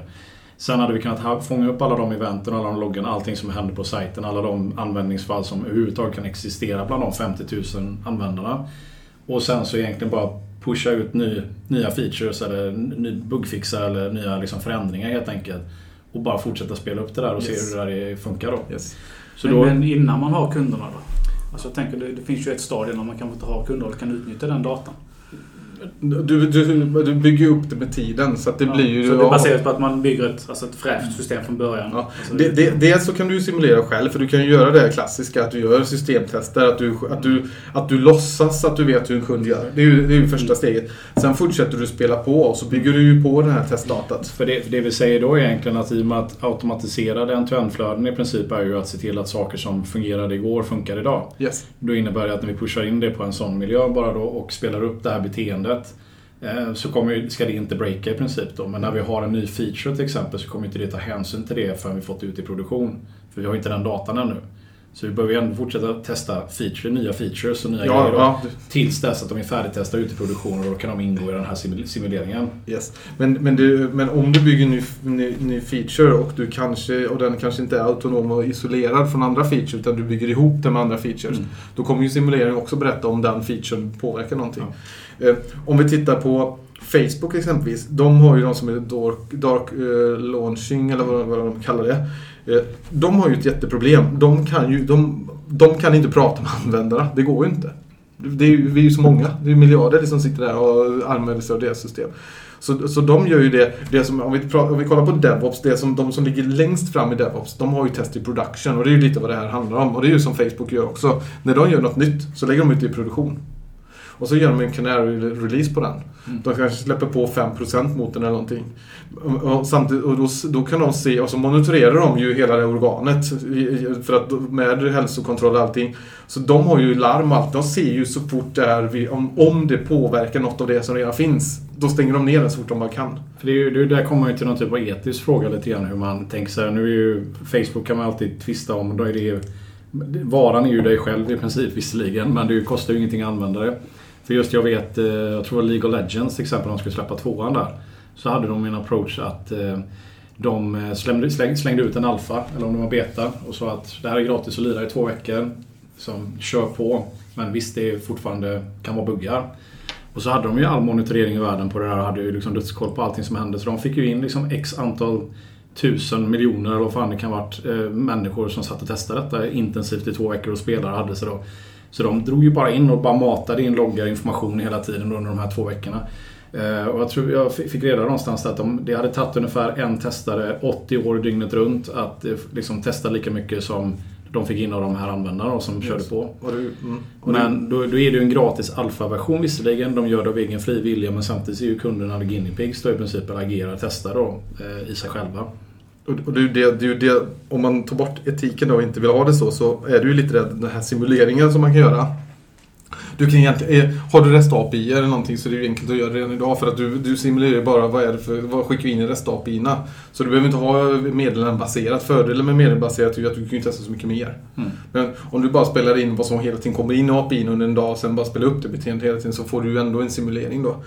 Eh, Det som, är, det som är fördelen där är ju att det de gör, som, det du är inne på något viktigt där, för att det är också där lite som eh, No testing, jag tror no testing handlar om det. Jag kan inte svara för allt som står där bakom eftersom det är ju ändå en person som skrev den taggen. Och så, och så har ju den idén och så, om ni vet hur det byggs upp det där. Ja. Eh, Det är ju lite det att om du testar som du alltid gjort. Du, du var inne på det automatiskt. Det är att om man har en testare eller två testare så sitter de ju och testar utifrån vad de tror skulle kunna ske. De, för att de har ju ingen aning om hur 10 000 skulle göra. Kognitiv bias är ju... Yes. Eh, Så, så det, det de gjorde var ju precis det du sa. De, istället för att de har en som ska försöka hitta alla felen som skulle ta så lång tid så testar de ju på en viss eh, del människor då. Det är ju det Canary, Canary Releases bland annat är bra för då. Och det är ju det simulering också hjälper till med. Med tanke på att simuleringen testar ju faktiskt verkliga beteenden som har hänt under kanske en, en kort tid eller under en hel dag. Så att du hela tiden kan se hur mår mitt system när jag gör förändringar utifrån det användarbeteendet som jag hela tiden spelar in då. Och där, där vet jag att Microsoft hade ju ännu bättre där med sina leveransringar. Att de först använde sin egen mjukvara. Mm. Och det är de enda. Och sen liksom var det vissa delar av världen och sen liksom lite som Canary fast lite mer strukturerat. Mm. De fick äta sin egen skit först. Ja, det är i och för sig bra. Och. Och, och, och, det är ju, det är ju, det är ju här lite, det är ju här om vi, kollar, om vi går tillbaka till då rollen testare. Som, det är ju det lite no testing handlar om. Det finns ju egentligen ingen roll utan det är en självklarhet där att du ska göra de här grejerna.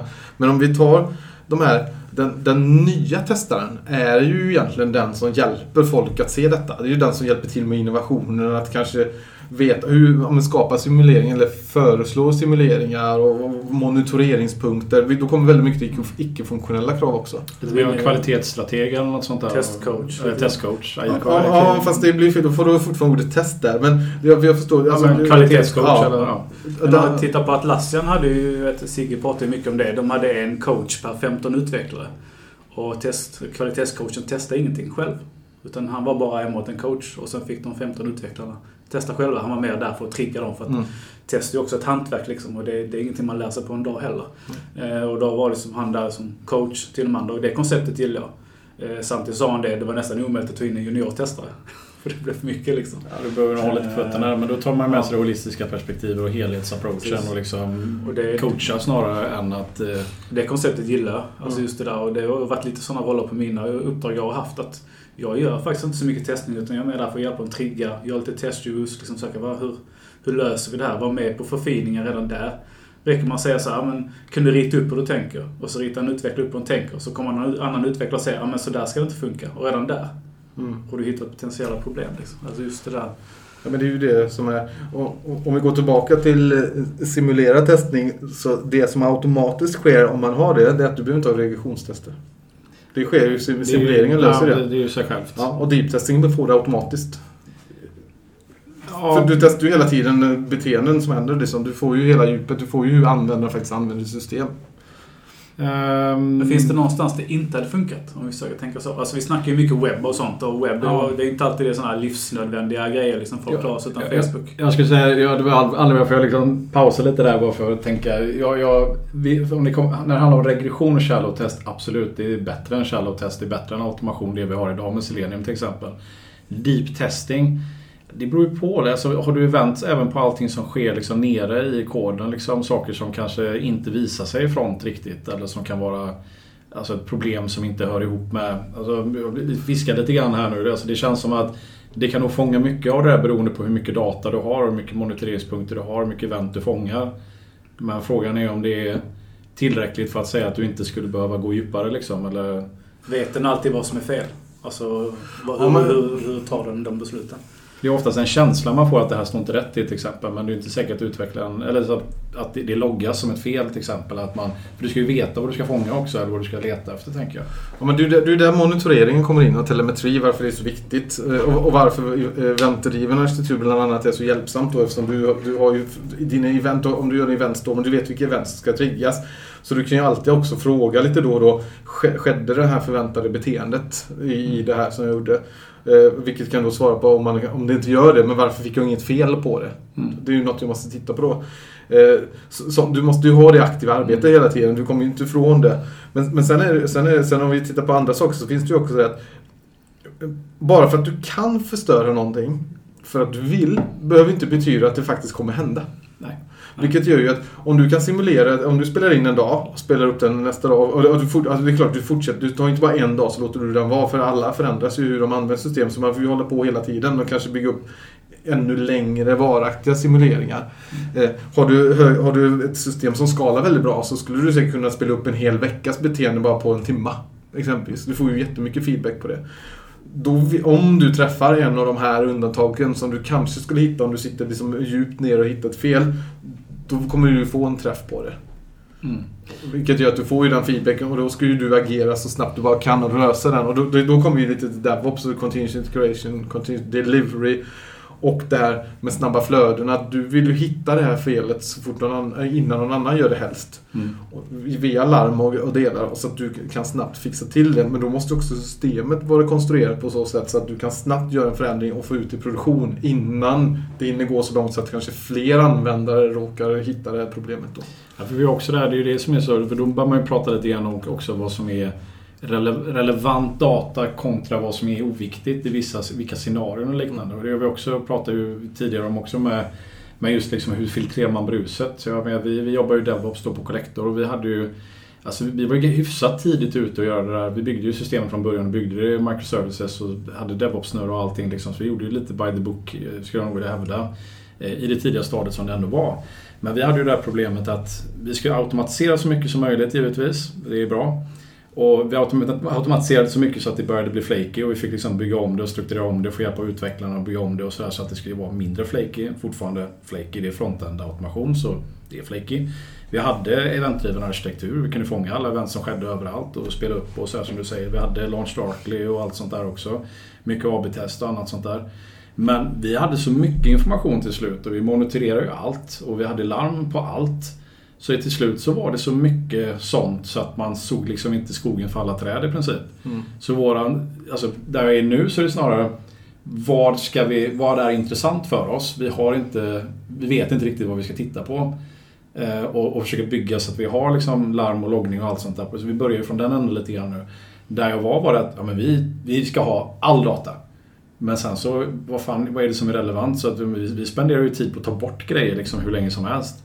För att liksom rensa all den här Nu, nu kommer du ju in på lite mer machine learning som handlar bland annat om att filtrera bort saker. Så att det, det, det, är ju, det, det är också en viktig del såklart att eh, du måste ju filtrera. Du måste hitta det där och det måste vara eh, eh vad ska man säga, datadriven innovation egentligen. Att, eh, du, du kommer, ja, det spelar ingen roll hur många som testar och hur bra du skriver enhetstester, hur bra du simulerar. Det kommer alltid hitta ett fel någonstans. Det kommer vara någonstans. Vi är människor, vi gör fel. Eh, och, och därför kommer det vara så att vi måste ju kunna filtrera datat och fortsätta ha, ha igång grejerna. Och, och, och faktiskt acceptera att det kan råka komma ett fel. Det är inte så farligt om det gör det. Problemet med fel är ju bara om det i så fall har en, ett, eh, om det är en banktransaktion så får du klart inte lägga, lägga sig noll extra. Då är det ju väldigt allvarligt. Liksom. Sånt får ju verkligen inte ske. Liksom. Så det måste man ju ha väldigt hård kontroll på. Eh, Som Klarna som visar upp någon annans konto och sådana grejer. Då. Ja, det ska ju inte hända. Det jättekonstigt. De, de måste ju...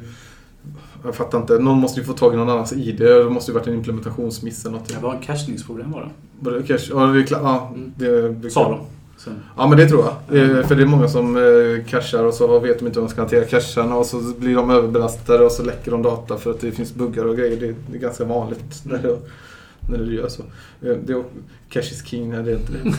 Eh, men, men det är ju så att det, så det kommer ju till det. Man ska ju inte sluta med någonting som fungerar ganska bra bara för då måste man ju börja hitta något annat att göra det. Det så det är där innovationen ligger hela tiden också. Att, eh, att hela tiden se till så att man har bra saker. Så liksom, grunden egentligen är ju att acceptanserna ska uppfyllas. De ska du absolut ha tester på. Eh, De oväntade beteenden, hur, bete, hur beter sig användaren? Det vill du ju gärna testa för då kan du enklare simulera olika beteenden och se också resultaten. För, som det här prestandatestet som de ville göra. Om de hade spelat in vad användaren gjorde så hade de ju fått det beteendet vid den tidpunkten. Då hade de kunnat se var, vart i systemet triggas larm nu. Var överbelastas det någonstans? Så det vill säga så mycket information som möjligt så länge den är relevant. Ja, Typ. Ja, och det är ju lite det vi pratar om. Ni pratar om big data och machine learning också. Du, du filtrerar ju väldigt mycket för att du vill ju ta bort mycket onödigt brus. Och Om, exempelvis om en person sitter och loggar in. Det finns ju kanske ingen anledning att simulera 10 000 likadana logins. Utan då kanske du vill simulera att det händer en login lite då och då istället. Så Mm. det, man måste ju... Så det är mycket annat som ska till där också då. Ehm, om vi nu ska försöka... Jag har en litet sidospår där också som jag tänkte ta upp. Men om vi ska summera vart vi resan vi tagit hittills någonstans så är det ju liksom... Jag tror att vi är ganska enade, enade någonstans liksom. No, no testing, kanske lite olycklig hashtag. Sånt, men det är till för att trigga så kanske har gjort sitt jobb i. Annars kanske du inte ens varit här. Vi hade inte bjudit in dig för att eh, vi hade inte, du hade inte kommit upp på radarn på det sättet. Så det gjorde väl sitt jobb den här hashtaggen. Ehm, men vi blir kommer... ju provocerad av den. Ja, man- man blir- man blir ju det. Man det är ju blir- det är ju Det är ju det med alla vänner Det är ju som clickbaits liksom. ja. Lite, lite så är det. Eh, och eh, som sagt, vi, vi har kommit fram till någonstans shallow testing via automation. Att, att utvecklare ska ta sitt eget ansvar att leverera saker som har hög kvalitetsnivå kodmässigt och även eh, featurenivå eller funktionsnivå. Eh, testaren har absolut fortsatt en, en plats i ekvationen men att den traditionella gamla testaren som får en leverans efter att utvecklingen är färdigt och sitter och kör skriptade test för att automatisera det när allting är färdigt. Eh, eller även om man bara utforskar saker fast man inte varit med tidigare. Det behöver skiftas till vänster tidigt och man behöver vara med i hela processen. Att en testare inte bara är någon som sitter med system utan man tar med sig det holistiska perspektivet och har mer coachande roll i ett team tillsammans med utvecklaren och bygger saker. Men det är inte du som ska testa allting nödvändigtvis utan man gör det tillsammans men, men testaren är mer av en, en coachande.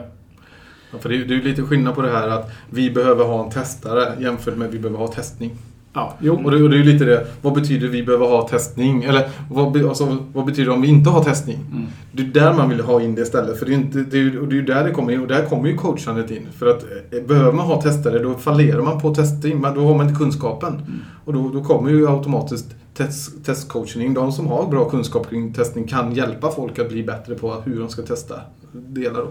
Och sen så, gick vi vidare med det här eh, si- simulerade tester och annat och via eventdriven arkitektur och annat också. Kanske även slå på då machine learning och liknande för att kunna filtrera ut det som är relevant ute efter den informationen du eftersöker och annat. Och att det är kanske framtiden för någon typ av, eh, vad ska man säga, informationsinsamling för, av testhänseende eller förstå liksom hur saker och ting beter sig och hur man kan göra det bättre helt enkelt om man har några problem i produktion och liknande. Datadriven är ju den... Det är ju sanningen liksom. Ja, Ja men du får så mycket mer. Du får audit-loggar, du får ju beteendeloggar, du får big data-loggar, du får... Alltså, du kan ju göra du, Power BI med datat. Du, kan ju med, alltså, du, kan, du får ju så mycket automatiskt för du har så mycket data över beteenden. Så du kan till och med mäta hur många gånger faktur, faktura har gått igenom, hur lång tid tog processen kring en faktura.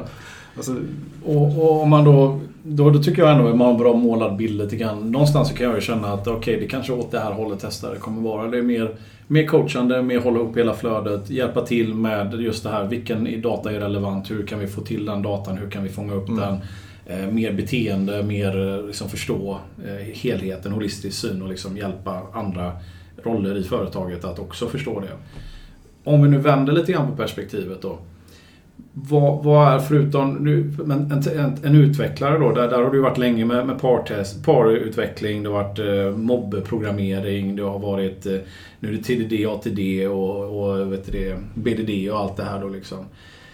Det har vi ju berört lite grann så. Jag, jag, alla de här aspekterna ökar ju kvalitetsnivån någonstans för man blandar in andra personer i sitt arbete och även då att man tvingar sig själv att få ett, ett mindset med liksom quality first lite grann.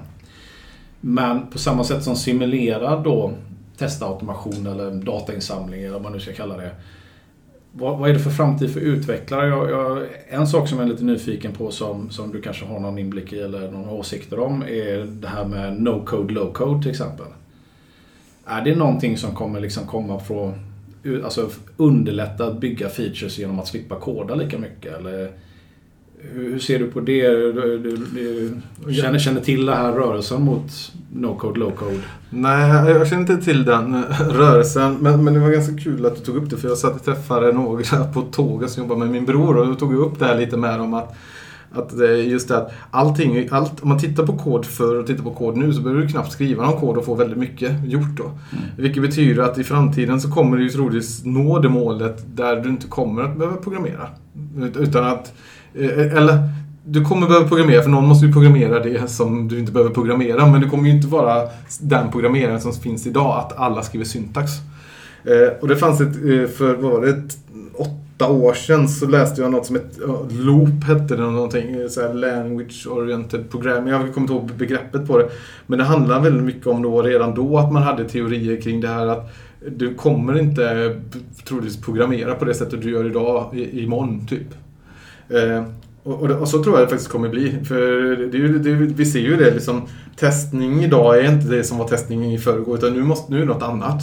Eh, och kodning är idag annorlunda än vad det var förut. Eh, vilket betyder att kodning imorgon kommer också bli annorlunda för vi märker ju det att allt, nu, nu automatiserar Microsoft automationerna som de kallar det.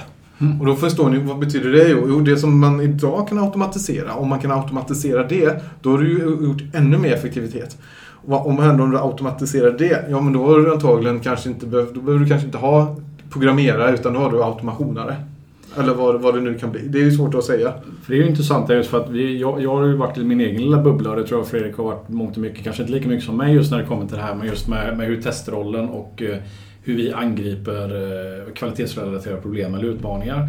Och att hur den rollen har bara liksom under den tiden jag har varit i industrin, de 15 åren, har ju liksom bara bytt fullständigt. Vissa är fortfarande kvar i det där gamla men det har ju ändrats sig gång på gång och man har fått försvara sitt existensberättigande liksom i omgångar, typ på tredje år.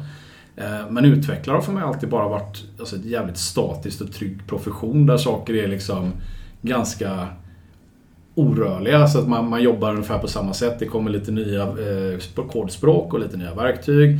Det är, man kanske strukturerar koden på ett annat sätt. Det kanske kommer in då som lite TDD från sidan där någon börjar jobba med det.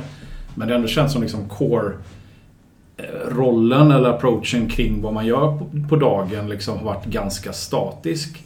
Och det är där jag tyckte att det här med low code och no code var ganska intressant för jag fick ju en proof of concept då från en kollega som ville göra det på en, en eh, dev week och ta fram ett, eh, liksom ett koncept och demo och sådär. Och han visade just det i princip. Alltså, för mig så var det ju mer att man var systemdesigner eller något sånt där. Alltså det, han, skrev, han, han byggde ju upp massa funktionaliteter, en, en fejkad hotellbokningssajt bara genom att drag and droppa grejer liksom. Jag bara tittade på det och tänkte, jag kan bli programmerare. Men är, är det... Är det eller håller du med om den? Eller har det hänt mycket mer än vad jag kanske har förstått i min, min bubbla? Man är ju inte, man är inte där än. Det är ju, folk försöker ju hela tiden. Men man närmar ju sig. Det gör man ju. Eh, Och, och tittar vi på, om vi tar, jag har jobbat mycket inom e-handel och tittar vi på e-handel så är det om du tar 15, eller du kan ta 100, eller vi kan ta 1000 e-handelssajter, det spelar ingen roll. Alla har exakt samma mer eller mindre funktionalitet. Det enda som skiljer är att de har olika rö- eh, dåliga affärssystem, för de är gamla affärssystemen. Eh, De som bytt ut affärssystem till mer mogna affärssystem, de är ju såklart mycket mer flexibla i sin e-handel. Men det är, det är ungefär samma sak. Så egentligen skulle vi kunna ta copy and paste på en e-handel och sen så bara sminka den. Mm. I, i, i, i, hårda drag egentligen. Och sen så då, finns det ju självklart undantag i det. Men det är ganska likadant. Eh, och då, då, då funkar ju det här drag and drop. Och vi har ju sett att det finns ju de e-handelsshopparna. Du trycker på en knapp, jag har en e-handelsshop. Du lägger dina, dina artiklar. De har hela PIM-systemet, de har allting. Och du kan göra precis lika mycket i en sån e-handel och få den att se ut exakt som du vill. Utan att behöva ha alla de här avancerade skitdyra e-handelslösningarna som finns där ute då. Det handlar ju bara om att man ska våga ta det steget. För man, man är ju lite rädd också. för det är klart att om alla andra köper det e-handelslösningen då har de ju antagligen redan gått på alla nitar och lärt sig dem och då kommer vi slippa få smällen då. Men så är ju inte sanningen. Alla går ju på samma nitar hela tiden. Eh, Så det är en viss rädsla där. Och tittar vi då på, på också, om man tittar på hur man lär barn programmera idag. Du, du drar en ruta med pilar, hur en robot ska åka. Är ju drag and drop. Det är klart att någon har skrivit bakgrunden vad som ska hända där. Men det barnen gör nu, det sitter ju, det sitter ju tusentals barn och programmerar, för det är vad de egentligen gör. Men du är kanske en utvecklare som har suttit bakom istället för att alla barnen behöver koda de här pilarna och det beteendet. Så vi ser ju trenden att det blir mer så. Eh, och tittar vi på Infrastructure as Code, IAC i förkortning, som handlar väldigt mycket om att du ska bygga upp infrastruktur med kod. Eh, det är också ganska nytt och det handlar mycket om automation, att bygga upp hela infrastrukturen med automation. Men tittar vi då på Terraform. Terraform är en YAML-fil där du beskriver ett state. Du kodar inte. Det heter Infrastructure as Code, för, men det, det är ju en definition. Du skriver ju namn, vad du ska ha för någonting, vad den ska heta och lite parametrar och sen slänger du in den i automationsmotor och så bygger den upp din infrastruktur eller så tar den ner din infrastruktur. Så du kodar ju inte i Terraform, exempelvis. Du bara definierar. Och, och du kan få upp en Kubernetes-kluster, poddar, servicar, servicebussar, Active Directory och i AWS får du upp alla deras buckets och hela den lösningen i att bara göra en definitionsfil. Sen kan du använda Pulumi till exempel. Så kan du skriva i C-shop samma sak och då kan du enklare enhetstesta din infrastruktur. Eh, eftersom du har det i core. TypeScript, Go och C-sharp och med flera skript klarar ju, har ju Pulumi-stöd för dem. Som är ganska trevligt för du vill ju testa din infrastruktur. Det är många som glömmer det. Att de gör definitioner men de testar inte om de kan bygga upp den. Då. Terraform har ju något som heter Terratest. Men då måste du lära dig Go för att göra det. Så att eh, det blir, du måste ju kunna det språket då för att göra det här testet då, att bygga upp din infrastruktur. Där kommer vi också till test igen. Testa att bygga upp sin infrastruktur. Mm. Det är ju inte så vanligt att en testare gör det. Nej. För det är ju den som skriver statet som egentligen ska göra det och då kommer vi också till att utvecklare måste ta mer ansvar kring test. Då. Eh, Och, och börjar vi definiera mer saker i definitionsfiler, för vi, man ser ju den trenden, det ökar mer. YAML, även om det är jättegammalt, så ökar ju det ty, typ deklarativa sp- språk, eller vad man nu kallar det. Eh, det gör ju att du kan ju snart bara säga att du ska ha en varukorg och du ska ha det ena. Och, och tittar vi på Blazor som håller på att växa nu inom Microsoft värld och även eh, om vi tittar på andra ramverk, jag vill inte säga Angular och React för de är inte riktigt där än även om de vill vara det. Men det- man pratar ju om komponentbaserat men när man pratar om komponentbaserat idag så pratar man ju om små komponenter eller stora komponenter som ska vara mer mikrofrontends. Eh, Man pratar inte om komponenter som en Angular-komponent på det sättet även om du kan komponentbegreppet finns där. Men då varukorg är en komponent exempelvis. Om du byggt en varukorg och du drar in den komponenten, för det är vad du gör. Du, säger, du, du deklarerar en tagg som heter car, eller cart.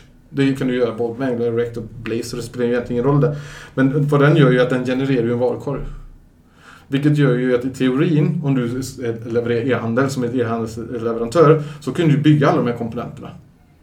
De har ju bas och grund ungefär exakt samma funktionalitet. Undantaget kan vara ibland att du kanske har metervaror. Men det är ju inte så svårt att bygga att komponenten kan slå på metervarustöd. Så drar du in den där du vill ha den. Och så sätter du några style-parametrar på det så har du en drag and drop. Du behöver inte, du, någon har programmerat den men de som sätter, konfigurerar upp e-handeln behöver inte programmera. Lite som det, din kompis där som du pratade om. Att, så jag, jag tror att vi kommer att komma dit. Men det är ju också det, också, det är utvecklarna som skapar det här. Mm. Det kommer finnas olika nivåer av utvecklare då, tänker jag. Alltså då som jag höll på med spelprogrammering, då hade jag oftast några som höll på med spelmotorn som var svinduktiga liksom, just med 3D-motorer och sånt, för det var jävligt svårt. Och sen hade du de som byggde saker på motorn liksom, som fick det färdiga. Och det blev väl lite samma sak här, tänker jag. Liksom, att det kommer finnas de som är de där hardcore, som gör det tunga liksom. Och så finns det de som kanske inte behöver samma kompetens. Eller Mm. mer kanske juniorer som kanske blir ett sån uppdelning. För det är fortfarande någon som måste göra automationen liksom. Och det är bara den som gör det först som antagligen kommer bli den stora vin- vinnaren. Det är ju så det alltid varit innovationsmässigt. Och, och, och tittar vi tillbaka kodmässigt och arkitekturmässigt vad som helst så är det ju så att kodbasen nu bara blir mindre, mindre, mindre och vi återanvänder mer komponenter. Open source är ju större än någonsin. Vi återanvänder otroligt mycket funktionalitet. Så det är inte mycket kod vi skriver då för alla andra har gjort de här biblioteken. Det är ju bara föregången till drag and drop egentligen. Om du skulle vi sia om framtiden nu då? Om du fick en, någon typ av utopibild på liksom, ja, men vad nästa fas? Nu, DevOps är ju de flesta ganska vana vid och det är många som har börjat implementera i alla fall tänket om att kunna ha självreleasande team och eh, monitorering, larm och loggning och allt sånt där. Och micro, microservices och continuous integration, de, deploy och delivery. Um, bortsett från det nu då som Även fast det kanske är hela den biten jag ska inte säga att den är, den är inte gammal men den är ju eh, alltså den är inte riktigt ny heller utan DevOps-grejen har i alla fall varit i fem år eller något sånt där. Eh, kanske lite längre men tog väl åtminstone fart i, på min karta för runt 4-5 år sedan ordentligt. Vad är nästa steg? Vad är det vi liksom lägger på det där? Alltså, nu kan vi leverera snabbare än någonsin. Vi kan eh, som du säger, eh, Lars Darkley liksom flytta ut vart, vilka eh, kundströmmar vi vill ha ut, vilken typ av funktionalitet. Vi kan rulla tillbaka om det blir problem på liksom under minuten. Eh, vi vet mer än någonsin vad som försiggår i systemet. Eh, vad, vad är liksom nästa steg? Vart, vart kommer vi nu? Vart är vi om fem år? I en, någon typ av utopivärld för dig, dit du skulle vilja driva eh, industrin liksom. Om, om, vi tittar på DevOps och så, och så kan vi blanda in no-testing i, i mm. detta. DevOps handlar, är, är ju egentligen ett ord på ett problem. Det är de här murarna som fanns, att du lämnade över till någon annan som skulle ta ansvar över buggar, eh, förvaltningsenheter, operations som inte har någon aning. De har inte ens ställt krav på vad som ska stå i loggarna. Du, så du har ingen aning. Och de, de, de testar ju automatiskt. De testar ju, när det blir ett fel så har ju operation testat genom att titta loggar och undra vad som händer då. Så, så, och det är också det lite no-testing, att liksom, slut, liksom ta ansvar, se bort, hitta nya sätt att göra automatisera och effektivisera. DevOps är ju en sån lösning egentligen. Så DevOps löser ju det strukturella problemet med murar. Mm. Och för att skapa snabbare feedbackloopar med teknik. För det har alltid varit teknik. Det är där vi kommer tillbaka till de agila principerna. Det är teknik. Om du ska ha snabba leveranser då gör du det med Continuous Integration, Continuous Delivery som kommer från XP, Extreme Programming, som kom innan agila manifestet av Kent Beck. Som bland annat tog fram testdriven utveckling för att också hjälpa till med att öka kvaliteten. Det du var inne på parprogrammering, för det är det Extreme Programming handlar om. Eh, och så, så, så, DevOps är ju ett ord för att lösa ett problem. Jag, jag vill nästan säga att det är egentligen det nya ordet istället för att sätta Agile framförallt så sätter man DevOps nu mm. för man tycker att man har misslyckats med Agile för nu har det spårat ur. För nu säger inte att allt är agilt och så har de ingen aning vad det är. För de, är, de, de har Scrum och Gira, vi är agila. Det är inte, det, det är inte vad agilt är. Agilt är ett mindset, det är ett beteende liksom. Och det är därför de nu börjar förstöra DevOps med DevSecOff Ops och DevSec och vad det är för någonting. Ja, det är också ganska roligt för att om man, om man tittar egentligen, de har ju poäng där, men vad, vad, det man, om man säger DevOps, vad tänker man då? Man, man tänker Dev, så tänker man programmerare. Det är ju helt fel, för det står för development. Det, står, det säger inte, det inte, development är hela hantverket om utveckling. Det är ju UX, design, det är test, det är verifiering och allting. Ops är ju operation, det är hur det driftsätts. Mm. Eh, men många ser ju det som utvecklare operations. Mm. Och, och, och, då ser de att, men vi saknar en sak här, vi saknar ju säkerhetstanket, för säkerhet är svårt. Det är ett jättebristvara på säkerhetsmindset. Det är överallt liksom. Det är stora nya, eller det har varit jättelänge då. Eh, då tycker man att då lägger man till det. DevSecOps, för man vill ju inte tappa bort det för att folk tror att nu är det bara utvecklare och operations, man, men säkerhet måste också med. Eh, så pratar man, man pratar om bisops nu, man pratar om business måste också vara med i, i det här. Så att skulle man, och jag skojade för när jag hörde ordet DevOps första gången i mitt liv och såg hur de började prata om DevOps Engineers och DevSecOps så började jag skojade jag med en kollega på Softhouse var det då. Du sa snart kommer det ju komma BIS, UX, DES, Dev, Test och SecOps och allt. Du lägger till allt som är i värdeströmmen. Liksom fullstacken du måste vara med då. Eh, så, så DevOps är ett, är ett, ord som håller på att spåra ur, precis som alla andra ord. För det, det är ett bass just nu. Eh, så, och det, eftersom det löste ett problem så kommer ju det kommer ju nya problem nu. Eh, vad det problemet kommer få för buzzword, det kan jag faktiskt inte svara på. Men jag vet av erfarenhet att det problemet som alltid uppstår när det kommer ett buzzword är att man tror att man vet vad det är man har löst för problem för man inte vet historiken bakom vad det är man försöker lösa. Och nu pratar man väldigt, väldigt mycket om just i högpresterande team. Man pratar ju mycket om eh, Conways law som går ut på att eh, han menar ju på att så som organisationen strukturerar eller så som kommunikationsvägarna i en organisation så blir det ju alltid din arkitektur. Eh, det finns ingen som kan bevisa motsatsen. Och det är ju ganska intressant för när jag har gjort kodreviewer på system så kan jag bara tittat lite grann så här så har jag gått tillbaka och frågat organisationen är det så här ni organiserar, eller så här ni jobbar? Och de bara säger ja hur visste du det? Det ser jag i koden. Det är så tydligt för hur, ni, hur det är uppbyggt. Hur spretigt det är, hur olika dialekter är i koden, hur ostrukturerat det är. Ni har en monolitisk organisation, ni har väldigt mycket prat fram och tillbaka. Då. Eh, så man pratar mycket om det här remove, uh, reverse economy's law eller the move. Ja, det, jag kommer inte ihåg namnet nu. Det, det var så mycket benämningar här. Men man, man, det handlar om att titta åt andra hållet. Vad är vår outcome? Vad är det vi levererar? Hur vill vi kunna göra detta? Jo, då tittar vi på hur, vilken arkitektur, hur vill vi jobba? Hur ska teamen jobba? De vill vara snabbrörliga. Hur ska vi lösa snabbrörliga team? Jo, då måste vi jobba på det här sättet. Hur ska vi jobba på det här sättet? Jo, men då behöver vi de här monitoreringarna, vi behöver den här test, teststrategierna, vi behöver, vi behöver det här. Vad behöver vi för service? Alltså vad, vad är det för hjälp vi behöver för att göra detta? Då kommer organisationen in.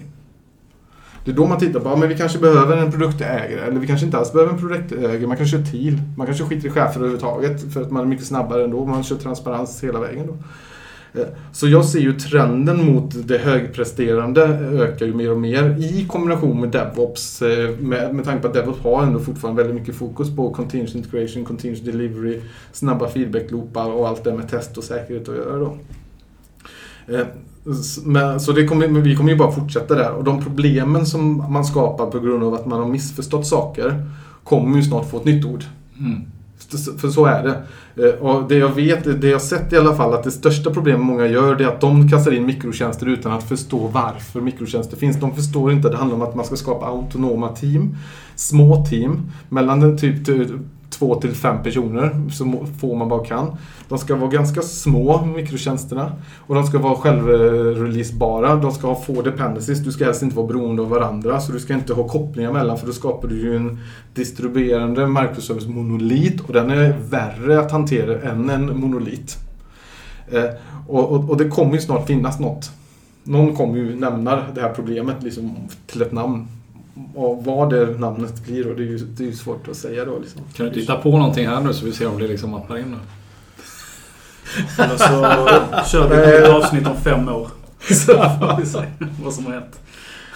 Nej, jag, jag, kan tyvärr inte komma eh, på något namn. Men, men det man ser ett tydligt tecken i alla fall, det är allting härstammar till, det är att man blamear upp i ledet för att man verksamheten följer inte med. Det är, tyvärr är det så. Mm. De kan inte IT, de kan inte programmera och det är inte deras uppgift. Men ett av de här principerna i det agila, äh, som i de här 12 principerna bakom det agila manifestet så står det att verksamhetskunniga och utvecklare ska jobba tillsammans dagligen. Vi pratade om kommunikationskulturen. Mm. Allting är en kultur. Om du fokuserar på vilken kultur du vill ha så är det lättare att bygga upp din både teknik och kod. Och det är det man tappar, för kultur är ju svårt. Mm. Hur tar du på, det är lättare att ta in en process än en kultur. Så där har jag i alla fall sett att det ökar väldigt mycket kring det här värdeströmmar, outcome och kulturarbetet. Så det kanske till och med blir så att nästa, nästa bass eller det kanske inte har någonting överhuvudtaget med varken DevOps eller något. Det behöver inte vara något tekniskt namn utan det kan ju faktiskt bara vara kulturskiftet liksom. Alltså vi, precis, vi, vi, vi, vi sätter arkitektur eller liksom prerequisites för IT-lösningen utifrån den, det bolaget vi vill vara. Ja. Det är dit trenden går. Mm. Ja, det har varit jävligt spännande faktiskt. Just det, kultur är ju någonting som oftast glöms bort väldigt mycket. Att det, och det är det viktigaste. Ja, nej, det är som du säger. Man kan, man kan dra in hur mycket som helst. Eh, coola tekniker och annat sånt där. Men om inte kulturen eller bolaget snarare liksom hänger på det där så... Yes. Eh, Ja, så att eh, vi har väl egentligen kört igenom allting nu och vi har börjat komma upp mot två timmar nu Fredrik och Johan. Så att eh, det har varit sjukt jäkla intressant. Och vi följde någon typ av plan. Jag tror vi hade en hyfsad röd tråd. Men sen så mm. hade vi en hel del avstickare. Men det har varit extremt intressant. Jag tror faktiskt vi satte rekord nu med ganska god marginal på det längsta avsnittet hittills. Ja. Jag hoppas vi har nått att vi, folk förstår vad no-testing är. Hoppas vi inte snackat för mycket sidan om men... eh, Ja, de var antagligen förhoppningsvis det och en väldig massa andra saker också. Jag har lärt mig massa nytt så att det, här, eh, ja, det har varit väldigt värdefullt åtminstone för mig och väldigt eh, lärorikt. Så jag hoppas att ni som har orkat lyssna igenom de här två timmarna känner samma sak. Eh, Johan, vill du avsluta, runda av med, med några tankar kring den här sessionen? De här två timmarna vi har fått prata med varandra. Nej, vi kan väl låta dem få vila sina öron. Men så vi kan ju eh, avrunda med att no testing handlar ju inte om att vi ska inte testa. Utan det handlar ju självklart om att vi ska göra det men att vi ska göra det på ett annat sätt än vad vi gör idag. Och att försöka få bort begreppet test och se det som en del av kvalitetsströmmen vi ska ha. Att det, det är inte där om det, är inte, det är inte test vi ska syssla med utan vi ska vi leverera värde och kvalitet och då måste vi ha självklart testning i det men på ett sätt så det funkar genom hela ledet mer eller mindre. kan vi väl vara överens om. Absolut, absolut. Vi är helt eniga där så det var roligt. Vi trodde ju nästan att vi skulle vara oense med, för första gången med, med någon som vi bjöd in. Men Ja, det jag var, sa ju det. Vi är alltid överens med någon vi pratar om. Det börjar bli så vi, vi får hitta någon att bjuda in så vi kan bråka Ja, lite. det, det, ja, det skett sig. Vi är nog ganska överens alla tre här faktiskt. Eh, nej, men du ska ha ett extremt jättestort tack Johan för att du tog dig tiden hit och till tiden att åka hit och, eh, och prata med oss. Ehm, ja, vad, vad ska vi säga? Vill man, vill man få tag i dig Johan och, och få, få dig att komma och föreläsa eller kanske ett uppdrag eller liknande. Vem, eh, hur, hur kommer man i kontakt med dig? Och, Jag kör ju mitt egna bolag i Unsquared så det är ju, man når ju mig lättast på antingen LinkedIn om man söker på Johan Normén och lägger till mig. Eh, eller så är det ju johan unsquared.se. Så eh, ja, kanske, kanske vill ni försöka få in honom på företaget på någon typ av inspirationsföreläsning eller annat. Kanske behöver ni ha honom för att rädda upp saker och ting i framtiden. Eh, Eller så kan du kanske till och med åtminstone följa Johan för han eh, skriver väldigt mycket intressanta saker och delar artiklar och om inte annat väldigt mycket intressanta inlägg och om inte annat väldigt vackra inlägg med väldigt kreativa illustrationer som åtminstone jag uppskattar. Stort tack än en gång Johan för att du tog dig tiden. Tack! Tack så mycket Johan. Då säger vi hej då. Hej!